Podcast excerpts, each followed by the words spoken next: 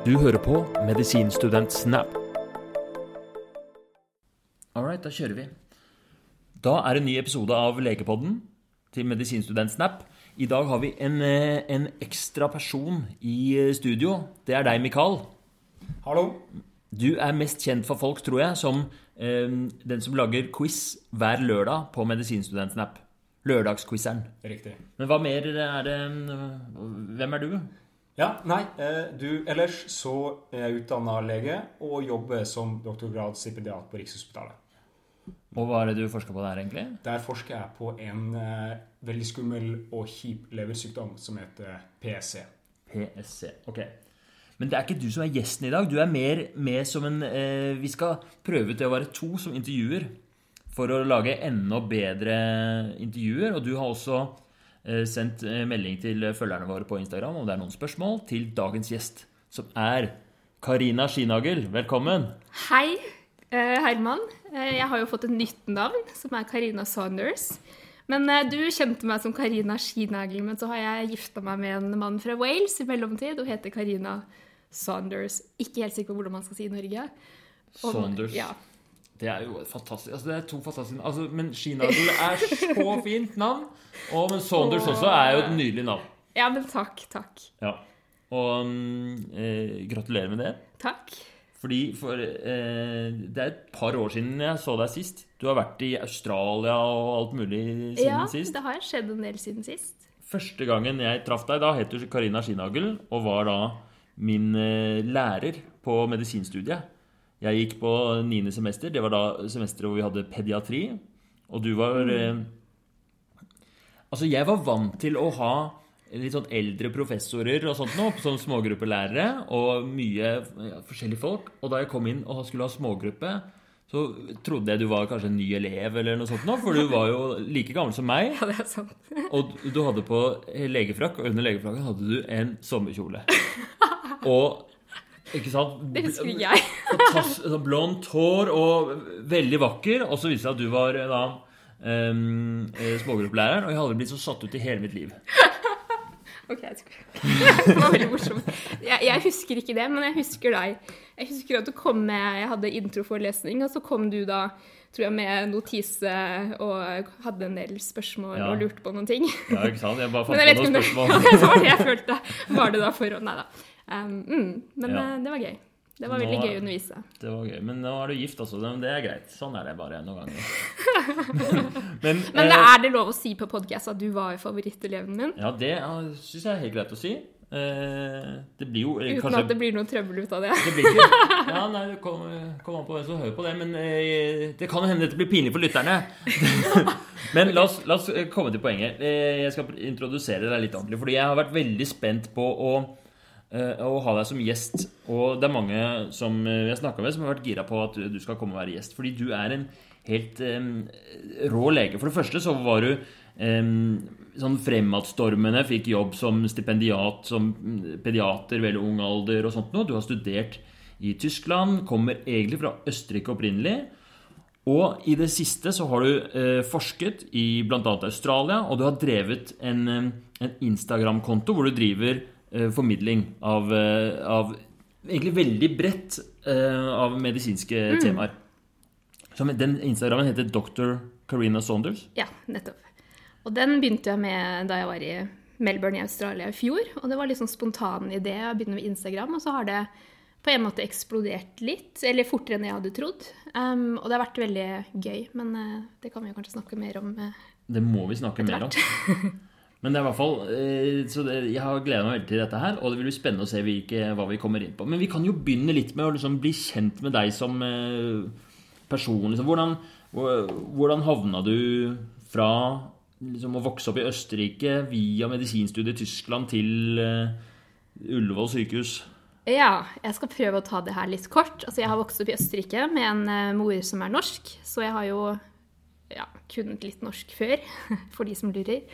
Um, men um, jeg endte opp i München, studerer medisin, fordi jeg hadde hørt veldig mye bra om uh, medisinstudiet der, og München, og det er jo ikke så langt unna Østerrike. Så jeg endte opp der. Jeg hadde gode karakterer, så jeg kom, kom inn dit. Um, Og så var jo egentlig planen da at jeg skulle være i Norge ett eller to år, sånn cirka etter studiet, bare for å liksom bli kjent med mine røtter og se hvordan livet er her. Og planen var jo å gå tilbake enten til Tyskland eller Østerrike. Men så har jeg jo bare blitt, og det er rett og slett fordi jeg trives veldig godt.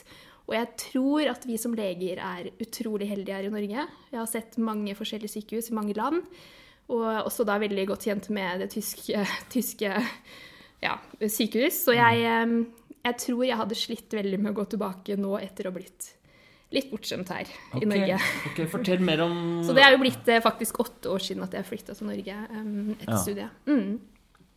Nemlig. Men hva, hva, fortell mer om den der studietiden i München. Da. Hvordan var det annerledes fra hvordan det er å Altså, no, ja. Um, München er en veldig kul by, og det er et veldig stort uh, universitetsby.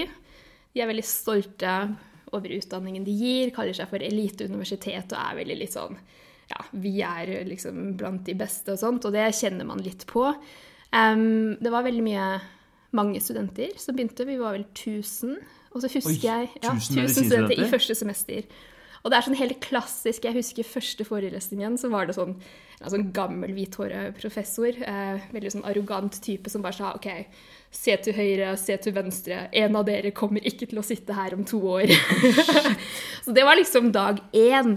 Um, og det stemte faktisk. Etter to år så var vi veldig mye færre folk. Uh, og dette her var jo en veldig selektert gruppe fordi man kommer inn med karakter. Så det var veldig, første to årene var heftige. Veldig mye lesing. Men er det da eh, sånn at, du, at det er en veldig høy strykprosent som gjør at folk ikke går Ja, videre? altså det var veldig heftige, heftige eksamener. Jeg husker godt at jeg satt eh, på biblioteket i ja, mer enn tolv timer hver helg. Uh, og bare, bare pugget på eksamen. til Ja, så de første to årene var veldig tunge, Og jeg. var det da kun, øh, altså, kun sånn preklinikk? Kun Ja, det var kun preklinikk. Jeg husker veldig godt biokjemieksamener hvor du måtte kunne tegne strukturene på hvert koenzym og hver syklus. fy og, altså var eh, veldig Ja, og så etter to år så er det det som de kaller for fysikum. eh, og da blir Du har jo mange eksamener underveis, men etter to år så blir alle fagene du har hatt, tatt opp igjen i en stor muntlig og en stor skriftlig eksamen som går over tre dager. Så du, du har lært det før, men så må du lære alt på nytt. Så det var veldig ja, så det var en litt tøff start. Og så ble ting litt lettere, syns jeg, da klinikken begynte, og man begynte faktisk å se hvorfor studerer jeg. Du ser pasienter og kommer i kontakt med ja, Ja. det man faktisk Men det, Er for det er veldig forskjellig fra no i Norge. da. Altså I Norge så starter det 100 stykker på medisinstudiet i Oslo, og en mye Eller jeg vet ikke hvor mange prosent som fullfører, men det er ikke under 50 i hvert fall. Det er en stor andel. Mens her er det to tredjedeler som faller av Mm, Ja, i løpet av I, første to Ja, spesielt da i starten. Mm, også hvis du har klart å komme deg eh, tenker jeg, gjennom to år, så da er man litt mer sikker. Men um, fortsatt Ja, det har vært Jeg synes, medisinstudiet mange som sa uh, Som student så var det mange leger som sa at du må ikke finne på å studere medisin. og um, ja. Fordi Nei, altså de mente jo, at- og det kan jeg jo, det er kanskje et annet tema, at det legelivet i Tyskland er nok litt hardere. Jeg har kollegaer av meg som jobber i pediatri, som jobber liksom åtte timer hver uke og er helt utbrent og er slitne. Så jeg fikk jo veldig sånn Å, ikke studere medisin, studiet er tøft, og så livet etterpå er faktisk mye verre. Så bare nyt å være student, for ting blir bare så mye verre etterpå. Men sånn er det ikke her i Norge. Her tror jeg mange flere er glad i jobben. Og ja, jeg pleier alltid å si å være lege er verdens beste jobb. Men jeg er ikke sikker på at jeg hadde følt det hadde jeg blitt i eh, München eller der jeg var før. Det visste jeg ikke, at det, er, eh, at det var så stor forskjell. Du har studert eh, mesteparten av tida i Tromsø, Mikael. Ja. Eh, men du har også vært i, i København. Nei, i, i Oden, Odense Odense. i Danmark. ja. Mm. Var, var det litt sånn samme greia der, opplevde du? eller? Ja, billigere øl. Billigere. Men eh, den der utvelgelsen er det liksom, tror jeg sånn sært jeg, jeg vet at i Frankrike også så har de en sånn der, Ja. veldig sånn tøff utskillelse i starten. At de første åra er liksom Du har ikke egentlig begynt. Det er mer sånn derre eh, En sånn test for å se om du klarer å komme deg inn, liksom. Ja, nettopp. Jeg tror nok det er en del land som har det litt sånn. Mm. Men var det, hvordan var det, var det sånn ble, ble folk påvirka? Jeg bare ser for meg det må være så påkjenning for folk på 18-19 år å gå gjennom det. Blir folk sjuke av det og sånn? Ja, det, jeg tror det er noen som blir det. Eh, Jeg begynte jo, jeg var 18 år da jeg begynte studiet, så man er jo, når man tenker tilbake, så tenker man 'å, stakkars meg, så ung jeg var'. Um, men så det var flere studenter som jeg tenker, som jeg vet Ja. Hvor det ikke var så lett, og de fikk alt mulig av nesten symptomer og ting pga. at det var ganske hardt og psykisk vanskelig. I tillegg så hadde du jo veldig mange av disse typer professorene som er ute etter å skjelle deg ut. ikke sant? Du skal liksom dumme ut studentene. Det var det veldig mye av. Um, jeg husker veldig godt en eh, gammel anatomiprofessor da vi hadde sånn Hva heter det her i Norge med lik? ikke sant? Skal Disseksjon? ja, disseksjon. Og da var vi jo Vi hadde hver, sant, hver grupper. Så var det én i en gruppe var sine som hadde tyggegummi. Og du, er, du har ikke lov til å ha tyggegummi i en anatomisal. ikke sant? Så han liksom oppdaget det og kom bort og bare begynte å skrike og liksom skjelle han ut foran hele liksom, salen med noen hundre studenter. Sånn, eh, det kan jo hende Ja. at det finnes sånn her òg, men jeg har ikke møtt så mange av den type lege eller professorer her i Norge. Og det var liksom klassisk eksempel, tenker jeg, av eh, Det er ikke liksom- så vanlig med public humiliation Nei, det i akkurat, i Norge. det er kanskje riktig engelsk ord. Jeg har aldri opplevd det på studiet, men jeg opplevde det en gang i turnus. Jeg jobba på skadelegevakta, og så var det en ganske rolig en ganske rolig dag. Det er aldri rolig på skadelegevakta, men en, liksom, den første gangen jeg opplevde at det var rolig, og når jeg liksom var klar for å ta neste pasient, så var det ikke noen pasient. Alle var dekket, liksom. Og det var en formiddag jeg var trøtt, så jeg la meg på sofaen, og så sovna jeg. Og det, altså, det, det har visstnok aldri skjedd tidligere da, på skadelegevakta. Så da kom han eh, Først var det en sykepleier som kom bort og bare 'Går det bra, eller hva er det du driver med?' For det var liksom og Nei, bare, det var ikke noen pasienter. Og så kom det etter hvert pasienter og begynte å jobbe, da. Men da kom eh, han ene sjefen ned, og foran alle Mens jeg satt liksom midt i et sånt veldig folksomt, åpent kontor med ti-tolv andre, og bare sånn Hva er det du driver og skjelte meg ut? Rett, rett og slett. Det, er ikke, det skal ikke skje, og det kommer ikke på tale. Og, og, og ja. Det var ikke noe, det var ikke noe gøy. Men Nei, hva, hvordan reagerte du da? Nei, de, de, de, jeg, jeg trakk meg liksom litt sånn inn i meg sjøl og ble, ble ganske satt ut. Jeg hadde ikke forventa det. Men det er en ting jeg merker også her når, når man først er ferdig lege og jobber, så er det veldig lite Eller som du sier, det er ikke noe kultur for å dumme den andre ut. Så hvis man går visitt f.eks.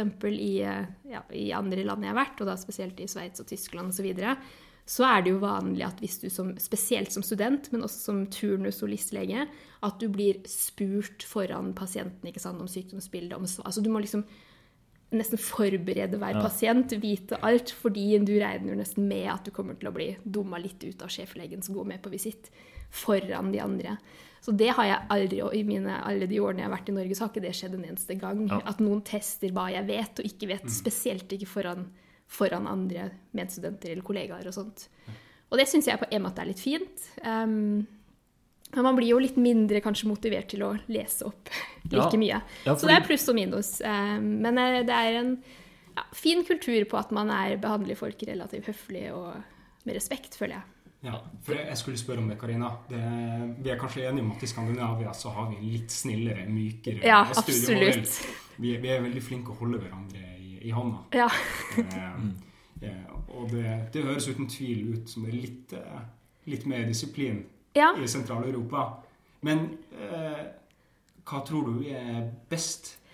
Um, Nå har du sett begge Altså, sidene. nå har jeg sett begge sidene veldig godt. Um, og jeg, det er jo en grunn til at jeg har blitt boende her. Og mye av det har jo å gjøre at jeg trives veldig godt på jobb, og den kulturen eh, altså, vi har her i Norge og Skandinavia, hvor man eh, er litt mer likestilt. Man er liksom i på tysk eller fransk og sånn, så har du jo veldig sånn høflig måte å snakke på. Hvis du har en autoritetsperson eller noen som er over deg, så sier du si eller vous ikke sant, på fransk. Så det, du, det, det blir jo med en gang en forskjell. Du sier alltid professor, så også. Du, sier, du hadde aldri sagt fornavn til en overlege. Men jeg tenker det at vi gjør det her, at jeg har en professor, men vi er på fornavn, ikke sant, det gjør jo at man blir veldig mye mer lik.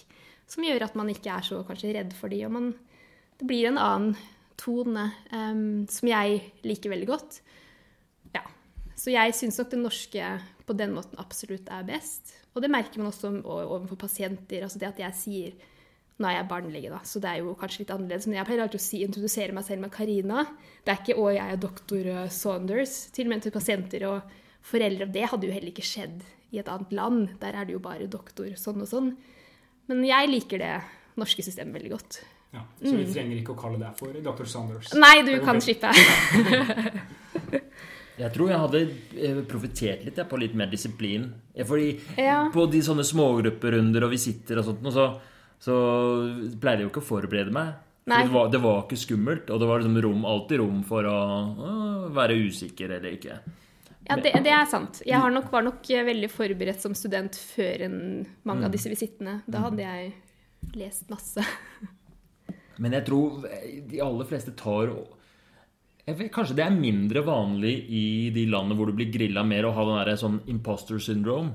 Sånn, for det tror jeg er så vanlig på norske sykehus, at du går rundt med en sånn indre egen justis over at du ikke føler, tenker at det er bra nok, at du hele tiden Ja. eh, er, blir sånn perfeksjonistisk og redd for å gjøre feil og sånt nå. At man kanskje får litt høyere selvtillit hvis man er gjennom litt mer sånn brutal utdannelse. Ja, eller kanskje det er motsatt.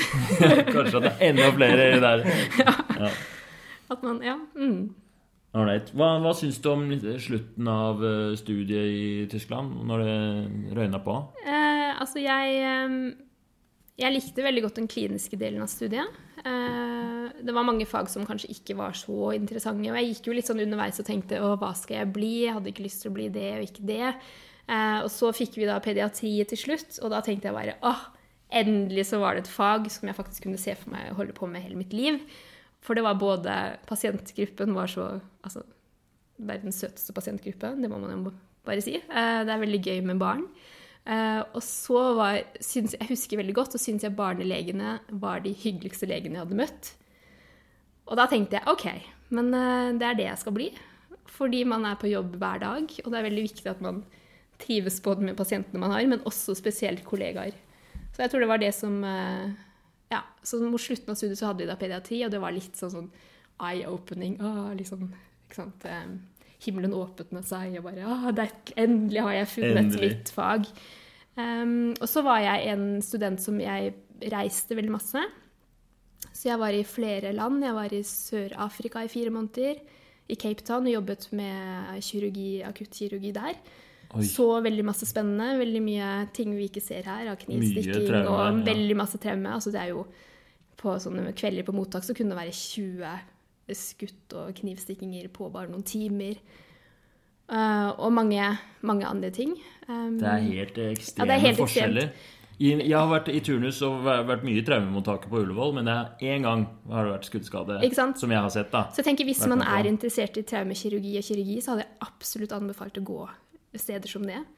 Um, og så har jeg vært i USA i seks uker, og det er i forbindelse da med studiet. Så jeg har alltid vært i Frankrike og Sveits og forskjellige land, og det har jeg lært mye av. Og det, det er nok den tiden av studiet jeg ser mest tilbake til som en oh, utrolig bra og spennende tid, hvor jeg har lært mye, men også fått litt sånn reising og blitt kjent med andre kulturer, sykehus, systemer, som jeg tror man ja, lærer mye av. Så det er noe jeg ville anbefalt. Så kult.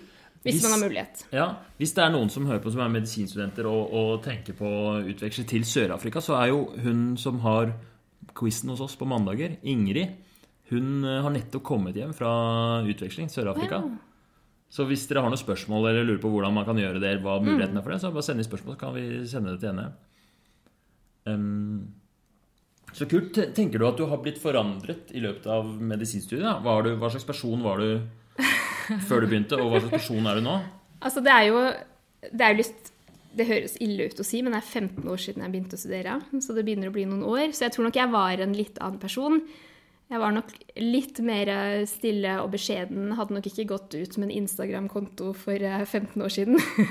så jeg var nok en litt sånn, ja, snill pike som studerte masse. Um, ja, ville få det til på kortest mulig tid og sånt. Og nå i dag så tenker jeg nok litt heller ja, kunne man kunne tatt det litt kanskje med ro, eller fokusert på Nei, men jeg angrer ikke på noe. Det har vært en veldig fin tid, og som sagt, mye av det jeg har gjort, ja, var veldig gøy. Eller hva var det du spurte om jeg har blitt en forandrer? Altså det Utenlandsoppholdene var det jeg skulle si. Sånne ting som det føler jeg forandrer ganske mye. Ja. Eh, det å tørre å gå steder, være ny, og så gå steder alene, det er ting jeg har vokst og lært veldig mye av. Så jeg tror nok mye Ja, man er en litt annen person, men så er man litt sammen likevel. På en ting som jeg har lært om deg, både fra før du startet den Instagrammen, men, øh, men kanskje blitt forsterket der, er at du er veldig glad i mat og veldig Ja. opptatt av mat og kosthold og sunn mat og god mat og Ja, det er sant. Um, det har jeg vært ganske lenge. Veldig opptatt av mat. Jeg kan jo ikke si at jeg er en ernæringsekspert, for jeg har jo ikke studert ernæring, men jeg er veldig opptatt av lest mye om ernæring, og nå i forbindelse med forskningen og sånn, så er jo så det noe jeg har ja, gått litt dypere inn i. Du er den legen som alle ernæringsfysiologene etterlyser. Du Å ja, nei, det vet jeg ikke. Jo, men det er, jeg tror det er mange leger som sier sånn jeg kan ikke så mye om ernæring. Og, Og det er sant, er det ikke det? Jo, jeg tror det er sant. At um, selv om vi lærer jo en del, så tror jeg mange leger som egentlig skulle ønske de kunne mye mye mer. For det er så Altså, mye spørsmål om det òg fra Ja. pasienter. Og så da tror jeg vi leger har sånn Vi har så lyst, hvis pasienter spør om ernæring, så vil man jo ofte ikke innrømme å si at ah, jeg vet faktisk ingenting om det. Så da blir det ofte sånne råd som er folk Ja, men bare spis som vanlig. Bare spis. Altså det, ikke sant? det er jo sunt, og det er bra. Men hva betyr det? Um, og jeg tror Jeg i mitt studie hadde ikke en eneste time om ernæring. Okay. Dere hadde kanskje det her? Ja, vi hadde en Ja, men det er bra. For jeg, altså, jeg har studert utrolig mange veldig komplekse, veldig detaljorienterte ting, men ikke én undervisning om ernæring. Og det tenker jeg er litt skremmende. Mm. Spesielt når vi vet hvor mye ernæring faktisk har å si, og forebygge sykdom, men også som del av behandling. Ikke som eneste behandling, men som del av en behandling, så spiller jo ernæring med. Og det er jo, jeg, som leger så er det viktig at vi vet at vi skal henvise til eksperter som er ernæringsfysiologer. Vi skal jo ikke ta over den delen. Men hvis ikke vi vet noen ting om ernæring, så blir det jo til at vi kanskje ikke henviser når det hadde vært behov. Og det gjør vi nok altfor lite. Mm. Hva, er dine, hva, hva, hva er dine favorittretter, da? Uh, oi, det ble vanskelig. Jeg er veldig glad i meksikansk. Mm. Gode burritos med masse godt fyll. Uh, jeg er veldig glad i pizza.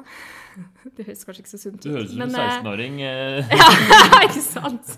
Nei, og så er jeg veldig glad i uh, spennende salater.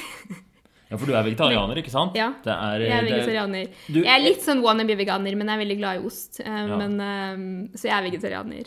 For det er Mm. så mye spennende grønnsaker på den Instagrammen som jeg aldri har hørt om òg, av og til. Er det sant? Det kom, ja, ja det, du hadde, jeg husker det var en gang var bare sånn eh, noe bær og noe frø og noe grønnsaker og, som var veldig Nei, det er faktisk litt inspirerende, da. Ja, men så bra. Det, det er det jeg håper. Um, og det har jo litt med min forskning også å gjøre, at, man, eh, at jeg er kanskje enda mer bevisst på å spise masse gode planter og ting. Um, Ja. mm. Skal vi begynne så smått å bevege oss inn på, på det, eller? Fordi det er jo eh, det er, Du har så mange Altså, du er jo eh, barnelege, men du har forsket på på ja, Kan du ikke fortelle hva du har forsket på? Så Ja. Vi begynner med det, og så tar vi vi litt mer det? pediatri etter hvert. Ok.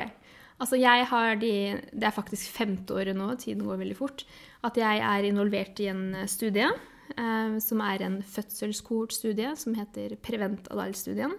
Som står for Preventing Atopic Dermatitis and Allergies. Og der har vi inkludert gravide i svangerskapet, og så følger vi deres barn fra de er født og videre. Og da er vi spesielt ute etter å se om eh, hvorfor allergiske sykdommer, altså inklusive atopiske eksem og astma, sånn atopiske sykdommer, hvorfor de øker så ekstremt, og hvordan vi eventuelt kan forebygge den økningen med altså ganske enkle intervensjoner. Ja, for det er et svært satsingsområde, og mye av grunnen til det er Ja. at over mange, mange år så har disse sykdommene, astma, allergi og eksem, de har eh, økt i samfunnet. og vi veit ikke ekstremt. hvorfor. Og vi vet ikke akkurat hvorfor. Det er mye mer enn bare gener. For gener har vi visst om. ikke sant? Hvis foreldre har ek- eksem eller allergi, så er det en stor sannsynlighet at barn vil få det. Men nå er det så ekstremt mange barn som får. Til tross for at foreldre ikke har, eh, har disse Når du sier ekstremt, hva, hva, hva Altså, kan du si noe om de tallene? Altså hvis Ja, altså man tenker Nå håper jeg ikke sier noe feil, men det jeg mener å huske, er at man tenker at om 30 år så vil halvparten av befolkningen ha allergiske sykdommer. Nemlig. Det vokser så, Så det, det, er, helt, altså helt krise, faktisk. for, Um, Men for, eh, for 50 år siden, da? Hvor mange var det da? Eller 30? Nei, eller, det vet, bare- jeg, jeg vet ikke tallet, men det var veldig Hvis du ser på de kurvene, nå, så er det bare helt sånn eksponentielt stigende. Um, Men er det sånn at eh, var eh, Nå er det sånn at rundt 20-25% av barn for eksempel, vil få atopisk eksem i de første leveårene. Så det kommer til å være dobbelt som vanlig om 30 år, som det er nå? Ja. Og var det Altså, da halvparten som vanlig for eh, 30 år siden, kanskje? Eller noe sånt? Ja, det er Bare- kanskje noe sånt. Altså, det er i hvert fall en veldig, veldig, veldig ekstrem økning. Um, så da prøver vi å se liksom, kan vi forebygge det med intervensjoner eh, som starter fra fødsel. Men så er vi også opptatt av å se på miljø- og livsstilsfaktorer, og inklusive kosthold og tarmen og sånn, som jeg er veldig opptatt av. Um, og, ja, så hvordan alle disse tingene påvirker da, den eh, økningen. Uh, Så det er en veldig kompleks studie. En veldig spennende studie. Um, okay. Veldig omfattende. Så har, du, har dere funnet noe, da? Hva er det hvor- Nei, altså En ting vi fant ut nettopp nå uh, Vi hadde en Lancet-artikkel som kom ut forrige uke, som ble feiret i dag med en bløtkake på Ullevål. Gratulerer. ja, det var sånn eh, veldig gratulerestemning. Eh, Lancet er jo en av de renommerte tidsskriftene, så har man publisert der, da vet man på en måte litt at eh, resultatene er solide. og man... eh, men det vi har sett på i den, er Jeg nevnte at vi har forskjellige intervensjoner. En av de er at vi Jeg skal ta det veldig kort for de som ikke er så interessert, men jeg, det er veldig, jeg syns det er spennende. Altså, vi Jeg synes har det er spennende, um, og lytteren, Hvis ikke syns det er spennende, så får du bare Altså, høre på noe annet. det er bra. Helt enig. Altså, I en intervensjonsstudie så tester man jo forskjellige intervensjoner. Vi delte våre barn da de var født, babyene, i fire grupper. En gruppe skulle bade babyene i badeolje med 100 ml badeolje. Det var veldig heftig. I hvert fall fire ganger i uka i ni måneder. Og så en annen gruppe skulle introdusere matvarer som barn ofte blir allergiske for. Altså peanøtter, melk, egg og hvete fra de er tre måneder. Um, og så er det en gruppe som er begge disse intervensjonene, og en gruppe som er kontrollgruppe. Ja. Og så Da vil vi se om det på en måte har noe å si. Og nå har vi sjekket denne badegruppa. Og her, Jeg føler jo veldig med alle mammaene og pappaene som har gått og badet disse barna. ikke sant? Ja, for de var i mange måneder. mange måneder i olje, og de har liksom fått De har hatt eh, klissete barn hele kliss- oppveksten, egentlig. Klissete barn. Og eh, ja, altså, jeg har fått flere klager på klær og avløp og alt mulig som har blitt tett. Og, Avløp ja. ikke sant? Ja, ja. Så, vi, eh, ja, så det har ikke vært lett. Men også har vi sett nå, da, når vi har analysert dataen, at det faktisk ikke har noe å si. At barna i den gruppen var like sannsynlig for å utvikle eksem ved ett år som de som var i kontrollgruppen. Og det er faktisk veldig spennende, fordi det har vært noen små studier som har vist at det å bade eller smøre barn fra de er født, kan forebygge eksem. Men det er små studier med noen på få hundre barn. Nå har vi sjekka dette her i en eh, studie på 2400 barn. Um, så det viser jo litt hvor viktig det er at man tar store studier. At man ikke alltid kan bare sant, henge seg på små. Mm. Ja. Jeg må bare spørre, har eh, dette med badeolje Har det vært noe foreslått noen biologisk, eh, mekanistisk forklaring på hvorfor det skulle da eventuelt forebygge Ja, eksem? Altså, det har jo å gjøre med hudbarrieren som er eh, brutt når du får eksem, for å si det helt enkelt. Så det er jo liksom et omgjøre å liksom beskytte denne hudbarrieren, slik at du ikke ja, utvikler eksem da in the first place. Og tanken er da, hvis du kan mm, på en måte ha en sunn og frisk hud, eh, og beskytte den, så vil du også mm, kanskje kunne forebygge matvareallergi. Eh, for det henger ofte litt sammen. Men det har vi ikke sett på ennå. Eh, Og i det hele her så er jo ja, det er én ting vi har sett på. Men mine aims er jo da går mer ut på tarm og alt det som skjer i tarmen, og hvordan det henger sammen med Ja, allergi. grupper så vi har liksom grupper, så det er på en måte Jeg har jo sett mange, mange, mange hundre av disse barna. Eh, Det har vært en del av min stipendiatjobb, er datainnsamling, og det har vært ja, veldig tidsomfattende. Jeg har sett veldig mange klissede babyer. Og jeg må jo si og jeg som undersøker Vi, skal, vi er jo på en måte blinde, Jeg får ikke lov til å vite hvis jeg ser et barn, hvilken gruppe tilhører den. Ja.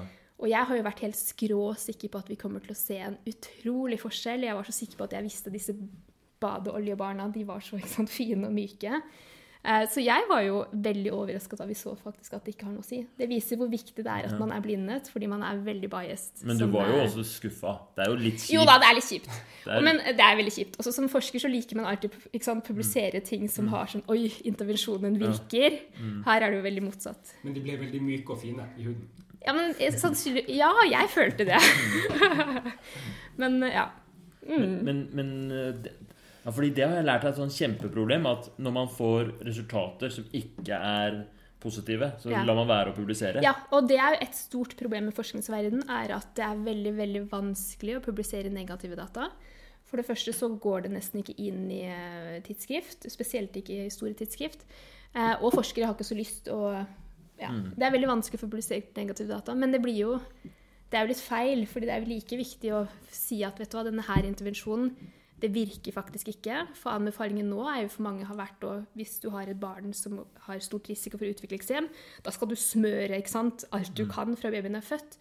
Og det er det mange har sagt frem til nå. Så nå er jo helt Lancet ga ut da en kommentar. og så helt klart guidelines forandret seg slik at man nå ikke anbefaler det. Så det er viktig med negative funn. Mm. Men bare så ikke det blir noen misforståelser. Det her er snakk om forebygging Ja, av eksem. bare ikke forebygging. Ikke Så- de som har eksem, de må behandles ja, riktig. Og da er smøring med fuktighetskrem og olje Ja. og sånt noe dritviktig. Dette er bare sånn primary, primary prevention, som man Primary sier. Ja. Ok, Men Mm. hva er det du syns er aller mest spennende med det studiet? da? Men det som jeg, ja, grunnen til at jeg ble med i den studien, var jo at jeg fikk høre at de ser på noe som heter tarmmikrobiota. Og da jeg hørte det, så tenkte jeg bare OK, den studien her, den må jeg inn i. Jeg gikk på kontoret til hun som driver studien, og banket på og sa hei, her er jeg. Eh, og jeg vil være med. Trenger du noen som ser på tarm, tarmen? Og da var det mulighet for det. Hun var veldig begeistret over en sånn entusiastisk eh, lege som var så interessert i tarm. Så da ble jeg med der. Bare sånn at det, det, det er da en fulltidsjobb du fikk ved å bare banke på ja. Det gikk jo da relativt raskt. Da ble det noen vikariat og litt sånn fram... Ja, det ble da en fulltidsjobb. Ja. Og jeg må jo si det var jo sånn jeg fikk LIS-jobben min nå, for jeg har hatt flere studenter som har spurt Oi, hvordan klarte du å komme inn på LIS i pediatri? Jeg var jo bare 26 eller 25, nei, 25 år. Um, og da jeg, Men jeg, det er jo kanskje ikke sånn man gjør her i Norge, men jeg husker jeg tok mormors bil. Eh, Jeg kom med fløy til Norge, hadde med meg printa ut CV og litt sånn, sånn letter of interest, eller hva man skal si, i en sånn hard plastmappe. Så jeg kjørte fra sykehus til sykehus og banket på dører. Så jeg begynte i Oslo, banket på kontoret til Geir Joner, som var han som ansatte da, og sa at ja, hei, her er jeg, sant, rett ut av medisinstudiet, hadde ikke turnus, og sa jeg vil begynne her på barn. Og han var jo en veldig Ja, vi helst hoppe over turnus og begynne rett i pediatri. ja, men jeg, jeg, jeg, kunne jo, jeg slapp jo faktisk turnus fordi jeg hadde studert i Tyskland, så jeg har faktisk aldri tatt turnus. Um, men han sa da litt sånn hyggelig Nei, vet du hva, du må få erfaring fra et mindre sykehus først, og så kan du komme tilbake om to år og banke på igjen. Og så kjørte jeg da videre med bilen til Fredrikstad og så til Drammen. Der møtte jeg en veldig lite hyggelig person som lot meg sitte tre timer ut i gangen, bare for så å komme ut og si at nei, jeg er ikke interessert i folk som deg, som bare kommer hit. Jeg har en lang liste av folk som har søkt. Um, men ikke sant, det er sånn, sånn skjer. Uh, men så fikk jeg jo jobb i Haugesund til slutt. uh, og begynte da rett i pediatri uten turnus. og Kjørte du deg til. Haugesund? Nei, da hadde jeg faktisk skrevet i en mail. Og så var det en av de som drev ansatte sjefen der, var tysk. Og han så at jeg hadde studert i Tyskland, og er jo veldig selvfølgelig begeistret for en ja. tysk eh, utdannelse. Og så hadde vi hadde noen som akkurat da hadde blitt eh, sykemeldt, så da var det en åpning. Ak så det, jeg var nok veldig heldig òg. Ja, men det er akkurat det som er poenget. da, At ved å kontakte Ja, 20 det var stykker, så tillater du deg selv å ha flaks. Ikke sant? Og så kom jeg da to år tilbake etter jeg hadde vært i Haugesund i to år. Så gikk jeg da tilbake til eh, Geir Joner og banket på og sa hei, nå har jeg vært borte i to år og fått erfaring. Er det noe jobb å få her? Og så fikk jeg jobb da i Oslo. Yes. Um, så det lønner seg av og til å være litt sånn ja. Men jeg har nok vært veldig heldig òg. Mm. Da har vi tips til alle, alle som venter på liseen. Det blir kanskje raskere å bytte til eh, medisinstudiet i Tyskland. Mm. på liseen. Hva er, hva, er hva er det beste med å være Nei, vi, du, vi skulle snakke om, eh, om mikrobiota. Ja. Hvorfor liker du det så mye, egentlig? Altså, Kanskje vi burde definere Ja. mikrobiota? det var det ja. jeg Ja, fordi det her har du også peiling på, Mikael. Ja, for dette forsker jo jeg på også. Bare relatert til, til leversykdom. Da kan vi ha en geeky samtale. Da. Det kan, Um, Jeg bare stikker, jeg. Altså Mikrobiota det er jo et veldig nytt felt. Da jeg studerte medisin, så var det ikke snakk om mikrobiota. Det var rett og slett fordi man ikke visste så mye om det. Um, og det er jo på en måte hele denne uh, sammensetningen av bakterier som vi mennesker har i og på kroppen eh, vår. Så det forskere har funnet ut i løpet av de spesielt siste ti årene, er at eh, vi har mer bakterier enn menneskeceller. Så vi er på en måte outnumbered eh, av bakterier.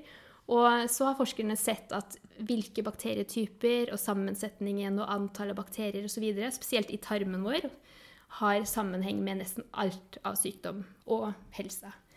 Eh, Så mikrobiota ja, det er på en måte bakterieverden. Og når vi snakker om bakterier, det vet kanskje de som lytter, jeg vet ikke, men da snakker vi ikke bare om skumle bakterier som gir matforgiftning og infeksjoner, men faktisk snille, gode, viktige bakterier som vi trenger for å leve og være friske.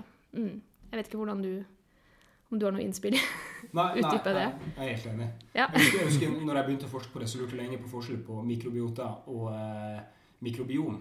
Ja, Som er en nyanse som man Ja. også kanskje kunne ja, det blir det sagt veldig mye feil. Det er mange som ikke vet. Mm. Altså mikrobiota Ja, det er vel litt det jeg sa. Og mikrobiom er da på en måte bakteriene med da hele genene Ja. dems, for å si det. Mm. Ja, ok.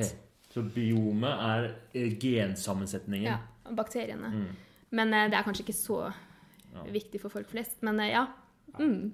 Men ja, fordi, sånn jeg har forstått det, så er, er eh, tidligere så har man tenkt på bakteriene, særlig de bakteriene i tarmen, som bare noe som er der, og eh, man, man, man, man liksom nevner det i forbindelse med tarmsykdommer og, Ja. og diaré, liksom. Mens det som viser seg i større og større grad, er at dette her er et organ som Mm. kroppen bruker på lik linje med nyrene, leveren. Ja. Altså det spiller inn på så mye, og hvis eh, mikrobiotaen din er fucka, så blir du syk. Ja, det er sant. Hvis du har mikrobiotasvikt, så har du et problem. Ja, da har du et stort problem. Fordi, ja, det er sant. Altså, mikrobiotaen er jo på en måte Bakteriene er jo usynlige, men de er faktisk såpass mange at hvis man veier de, så veier de faktisk ca. 2, noe kilo mer enn hjernen. Og det er jo eh, Yes. Så det er jo et slags Det er jo et helt eget organ. Et av våre som, største eh, organer. Ja, som faktisk kommuniserer med resten av kroppen. Så vi vet jo at f.eks. immunforsvaret er veldig viktig. Eh, uten tarmmikrobiotaen så hadde vi ikke hatt fungerende immunforsvar. Mye av det startet jo med at man så på mus, og så hva skjer, i en mus som er helt bakteriefri. Og det kan man jo sant, gjøre i en lab. Da har du da et helt sterilt miljø. En eh, mus helt uten bakterier vil ikke utvikle et eh, funksjonsdyktig immunforsvar. Så så de også at mus um, som mangler mikrobiota, har atferdsproblemer, blir tjukke, utvikler alt mulig sykdommer. Så det er litt sånn forskningen begynte eh, med det. Og så har vi jo sett det i store studier at det er samme gjelder mennesker, som, du sa. Hvis du har mikrobiota som kanskje ikke er så bra, så har man kanskje mer tendens å få depresjon eller overvekt eller autoimmune sykdommer. Altså det er allergiske sykdommer det er forbundet med nesten alt av vestlige kroniske sykdommer som vi ser. Så hvis jeg våkner en dag og er deprimert, så kan det være fordi jeg har feil sammensetning av bakterier i magen. Ja, ja, hva skal man si? Jeg tror det er viktig å si at eh, depresjon er veldig komplekst, og man kan nok ikke bare skylde ut på tarmen. Men eh, man eh, innser nok mer og mer at det er en sammenheng, og at det er jo mye snakk om en gut-brain axis, så en akse mellom tarmen og hjernen. Og det man mener med det, er at de bakteriene som vi har i tarmen, de har mange viktige funksjoner, og en av funksjonene deres er at de skiller ut stoffer og kemikalier som da går sant, ut i blodet og faktisk når opp til hjernen og kan påvirke Ja, hvilke, alt fra humør. Er det, Altså, det er jo én ting jeg forsker på av av sånn antiinflammatoriske, anti stoffer, um, er kortkjeda fettsyrer, eller short chain fatty acids. Um, det er en av de eh, viktigste vi vet om i dag. Men uh, så er det viktig å si at det er veldig mye vi ikke vet om uh, mikrobiotaen, for det er et veldig, veldig nytt felt. Og det er veldig mange som hopper på det, ikke sant, av både ja, firmaer og ting som eh, lager masse ikke sant, sånn gut healing, this and that, og probiotika. Og, så det er et veldig Men det er viktig å huske, ja. Det er et nytt felt, masse vi ikke vet. Og det er en enorm økning i forskning hvert år. Eh, Ja, veldig veldig sånn hot tema, da. Ja, mange av bakteriene som finnes i tarmen, de har ikke navn, og de, de er liksom helt det er, Nei, så det er mye vi finner som er helt uncharted territory. Så vi driver bl.a. nå og ser på eh, tarmfloraen, eller mikrobiotaen, i våre barn fra de er født til ett år. Og vi finner jo veldig, veldig mye som er sånn helt ubeskrevet fordi det er lite forskning. Så vi Det er litt sånn Ja. Er det prospektivt? ja. Ja. Mm. Hva betyr det? Så da, ja, det er jo noe man ikke ser så ofte. Det er veldig bra ja. at, du, at, de, eh, at det tas gjentatte prøver. Ja. Det er det vi gjør. Vi tar prøver idet de er født, og så ved tre måneder, seks måneder, Mm. tolv måneder, ett år, to år. Så vi følger de underveis, og så ser du hvordan det forandrer seg. Og så har vi også da med veldig mange faktorer rundt. Hvordan de lever, hvordan, hva de spiser osv. Det er en ting jeg da ser på. Hvordan kostholdet påvirker. Em, så det er veldig, veldig spennende studie som jeg tror kommer til å vise veldig mye nytt som vi faktisk ikke vet noe mye om ennå. Så den der Prevent Adol, det er en sånn fabrikk som bare samler Ja. så mye forskjellige data fra en enorm mengde pasienter. Ja, det er veldig mye data. Vi er bare for få folk. Em, Så det vil fortsatt være behov for mange flere som kommer inn etter hvert. Så det kommer til å bare pumpe ut forskningsresultater og artikler. ja, og mange den. stipendiater og doktorgrader som trengs. Ja. Mm, så vi er på en måte blant de første som starta. Mm. Hva er de mest sånn crazy oppdagelsene som er blitt gjort på mikrobiota siste årene? Åh. Eller med sånne oppsiktsvekkende Jeg syns Ja, jeg ja, husker jo, jo. Å ja. Hva skulle du si? Nei, det du skal si, jeg mener det. Nei, altså det man, noen spennende studier er jo Det var noen av de tidligste studiene hvor man har sett at eh, Som jeg nevnte, så har jo, kan mikrobiotaen ha sammenheng med overvekt. Og da har man faktisk først gjort det i mus. At man transplanterte mikrobiotaen fra en tjukkmus i en tynnmus. Og motsatt tok mikrobi tarmmikrobiotene fra en tynnmus og satte den i en tjukkmus. Altså basically Altså, du transplanterte switcher, avføringen inn i tarmen, liksom? Ja, eller- alle bakteriene som på en måte bor Mm. i, i tarmen. Ikke avføringen er jo det du skiller ut. Men em, Og så så man da at på samme kostholdet som de hadde hatt før, så ble den tjukke musa ble plutselig tynn, og den tynne musa ble tykk. Eh, så da ser man jo På at samme på samme kosthold. Så, da, så det vi vet, er jo at mikrobiotaen er også med på hvor mye næringsstoffer du kan ta ut av mat. Um, og det gjør jo at sant, overvekt blir et enda mer komplisert tema, hvor du ikke bare kan si ja, men bare spis mindre, sant, så blir du slank, fordi vi er veldig individuelle. Det er veldig mange ting som påvirker. Og så har man da gjort det samme i mennesker, hvor man har transplantert nå- Jeg lurer på om det faktisk var tvillingstudier, men eh, det tør jeg ikke å si. Men hvor du i hvert fall har gjort det samme i mennesker, transplantert fra en tykk i en tynn person og motsatt, og sett at samme tendensene skjer da ikke sant, i mennesker. Og det åpner jo kanskje mange mye nye terapeutiske muligheter, og det er mye snakk om um, Ja, Nå kommer jeg ikke på ordet. altså Fecal, fecal transplantation. ikke sant? Det blir brukt i noen klusidium difficile infeksjoner, så har man sett at det har effekt. Men det er jo noe som testes i mange andre ting. Og kan du transplantere Eller lage en sånn perfekt ikke sant? Perfekt cocktail av eh, tarmbakterier. tarmbakterier og gi det til en person som hadde trengt det. Ja. Men det er fortsatt masse utfordringer eh, og ting. Men jeg tror det er mye som kommer til å skje og i mikrobiotoverdenen. Og så jeg tror om ti år så kommer vi til å behandle og gjøre veldig mye på sykehus som vi ikke gjør i dag. Mye av dette her er jo forskningsstadiet. Men etter hvert så tror jeg det kommer mer og mer inn i klinikk. At man tar og sj- sjekker mikrobiotaen på folk, ser det på mm, Altså, hvis, du kan ha, hvis du kan ha effekt på en overvektig pasient, hvor man vurderer altså sånn uh, slankeoperasjon og sånt noe Ja. Hvis du kan ha effekt av å bare transplantere litt, uh, litt uh, tarminnhold Ja, det er hadde jo vært helt- enormt er- revolusjonerende. Ja, ikke sant? De der slankeoperasjonene er jo så mye kødd med. De er Ja. vanskelig Ekstreme Veldig. sånne Eller veldig høye høy grad av komplikasjoner og bivirkninger og er problemer med de.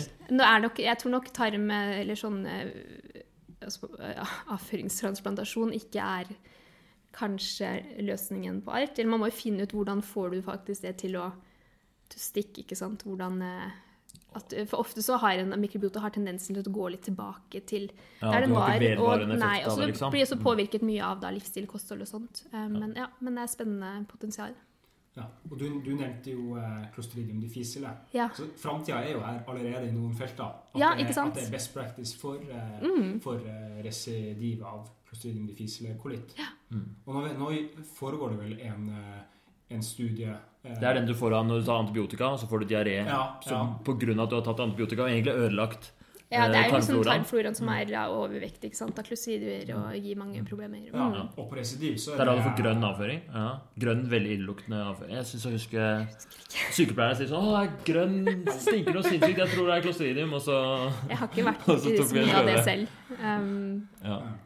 Ja, og det eh, Og nå gjør de en studie på, på, eh, på Rikshospitalet der de ser på eh, altså FMT, som det heter.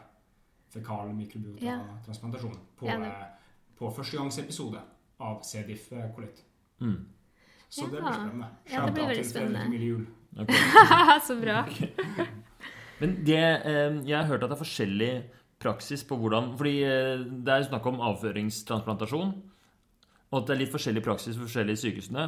Både på hvilken vei man transplanterer det inn, om man tar det peroralt eller, eh, eller via bakveien. Og så er det også hvem er det som donerer. Jeg hørte at på, i, Ja. i, på Haukeland sykehus så, så er det eh, familiemedlemmer som donerer. Eller om det var motsatt, husker jeg Ja. ikke. Mens i Oslo så er det mm, helsepersonell på avdelingen. Og er det sant? Ja, så hvis de tre, ja, vi har en pasient med klo- klostridium, så er det sånn lapp inne på vaktrommet hvor det står sånn Vi trenger noen avførings... Oi! Altså hvis jeg Ja, ikke sant? Altså Jeg ville jo da helst valgt ut sekvensert mikrobioton og sett hvem har den mest perfekte mikrobioton som jeg skal ha. Nei, du får Eh, jeg bare- hadde, jeg hadde ikke tatt det gudrun jeg hadde, ikke, ikke sant? jeg hadde ikke tatt det av hvem som helst. Ja. Nei, vaskedama kommer. Nei takk. Så det går an å ha sexy eh, mikrobiota, egentlig. Et skikkelig fint mikrobiota. Ja, altså jeg, ja, jeg tenker jo at jeg hadde jo gjerne Jeg har jo faktisk sendt min Det blir veldig personlig, men min egen avføring til sånn The Gut Microbiome Project, som er det største mikrobiotaprosjektet. Um, ja, og da får man jo litt svar og sånt, men eh, de ser jo da på mange ting, livsstil og kosthold. Og jeg hadde jo håpet på, siden jeg føler at jeg spiser så utrolig sunt og lever så sunt og ikke er så veldig stressa, det er mange ting som påvirker. Um, men eh, Du håpa at du skulle ha den beste ja, det best. Jeg tror jeg håpet at de skulle sende en premie og bare si OK, deg vil vi ha. Du kommer til å bli rik fordi du donerer så mye bra. Ja, anyways. Det ble ikke det. Men Det ble ikke eh, det. nei. Fikk du ikke noe tilbakemelding? på hvor Jo, jeg fikk tilbakemelding, men jeg syns det var så vanskelig å tolke. Men det er noen år siden. jeg burde okay. faktisk... Nå har jeg jo lært litt mer i mellomtid. Ok.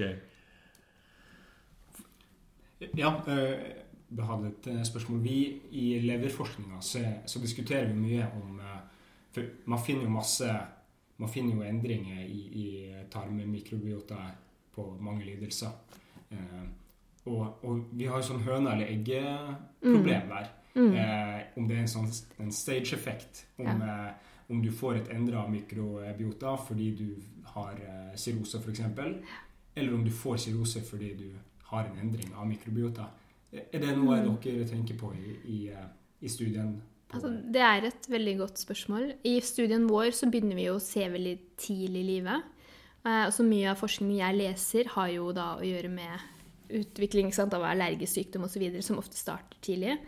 Um, og det man uh, Hva skal jeg si um, Det vi vet, er at tarmfloraen utvikles spesielt ja, Idet du blir født, så skjer det veldig drastiske forandringer. Man er jo, tror mest sannsynlig steril i eh, mors liv, og så får du idet du blir født, får du første mors eh, cocktail av bakterier, som da setter seg fast. Og så fram til du er tre år, så skjer det mye, og man utvikler en tarmflora. Fra tre års alder så er eh, tarmflorasammensetningen ganske lik til voksne, og det skjer da ikke like store forandringer etter det.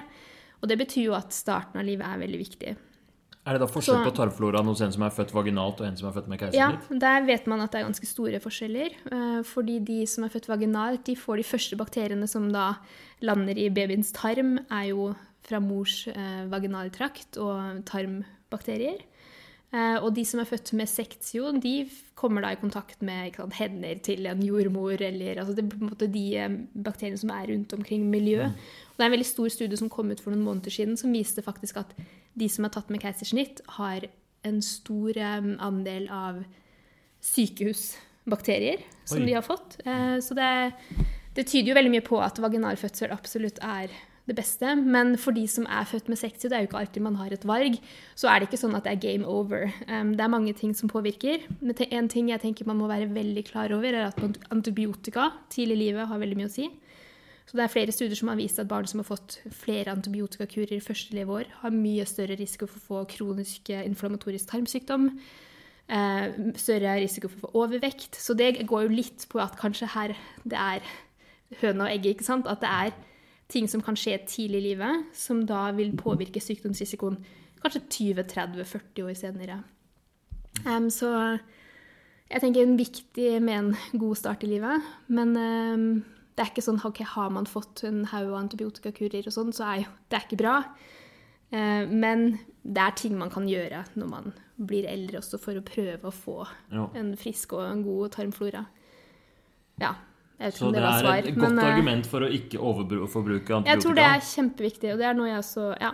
eh, Man, I Norge så er vi nok ganske flinke på det. Ja. I eh, Amerika sånn, så har de jo eh, guidelines på hvis barn har feber og puster litt fort, så er det en pneumoni og skal ha antibiotika.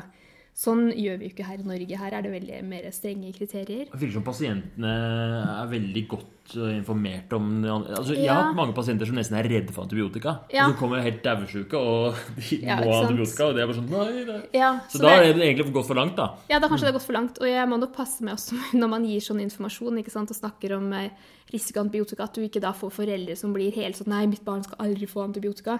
For av og til så trengs det absolutt.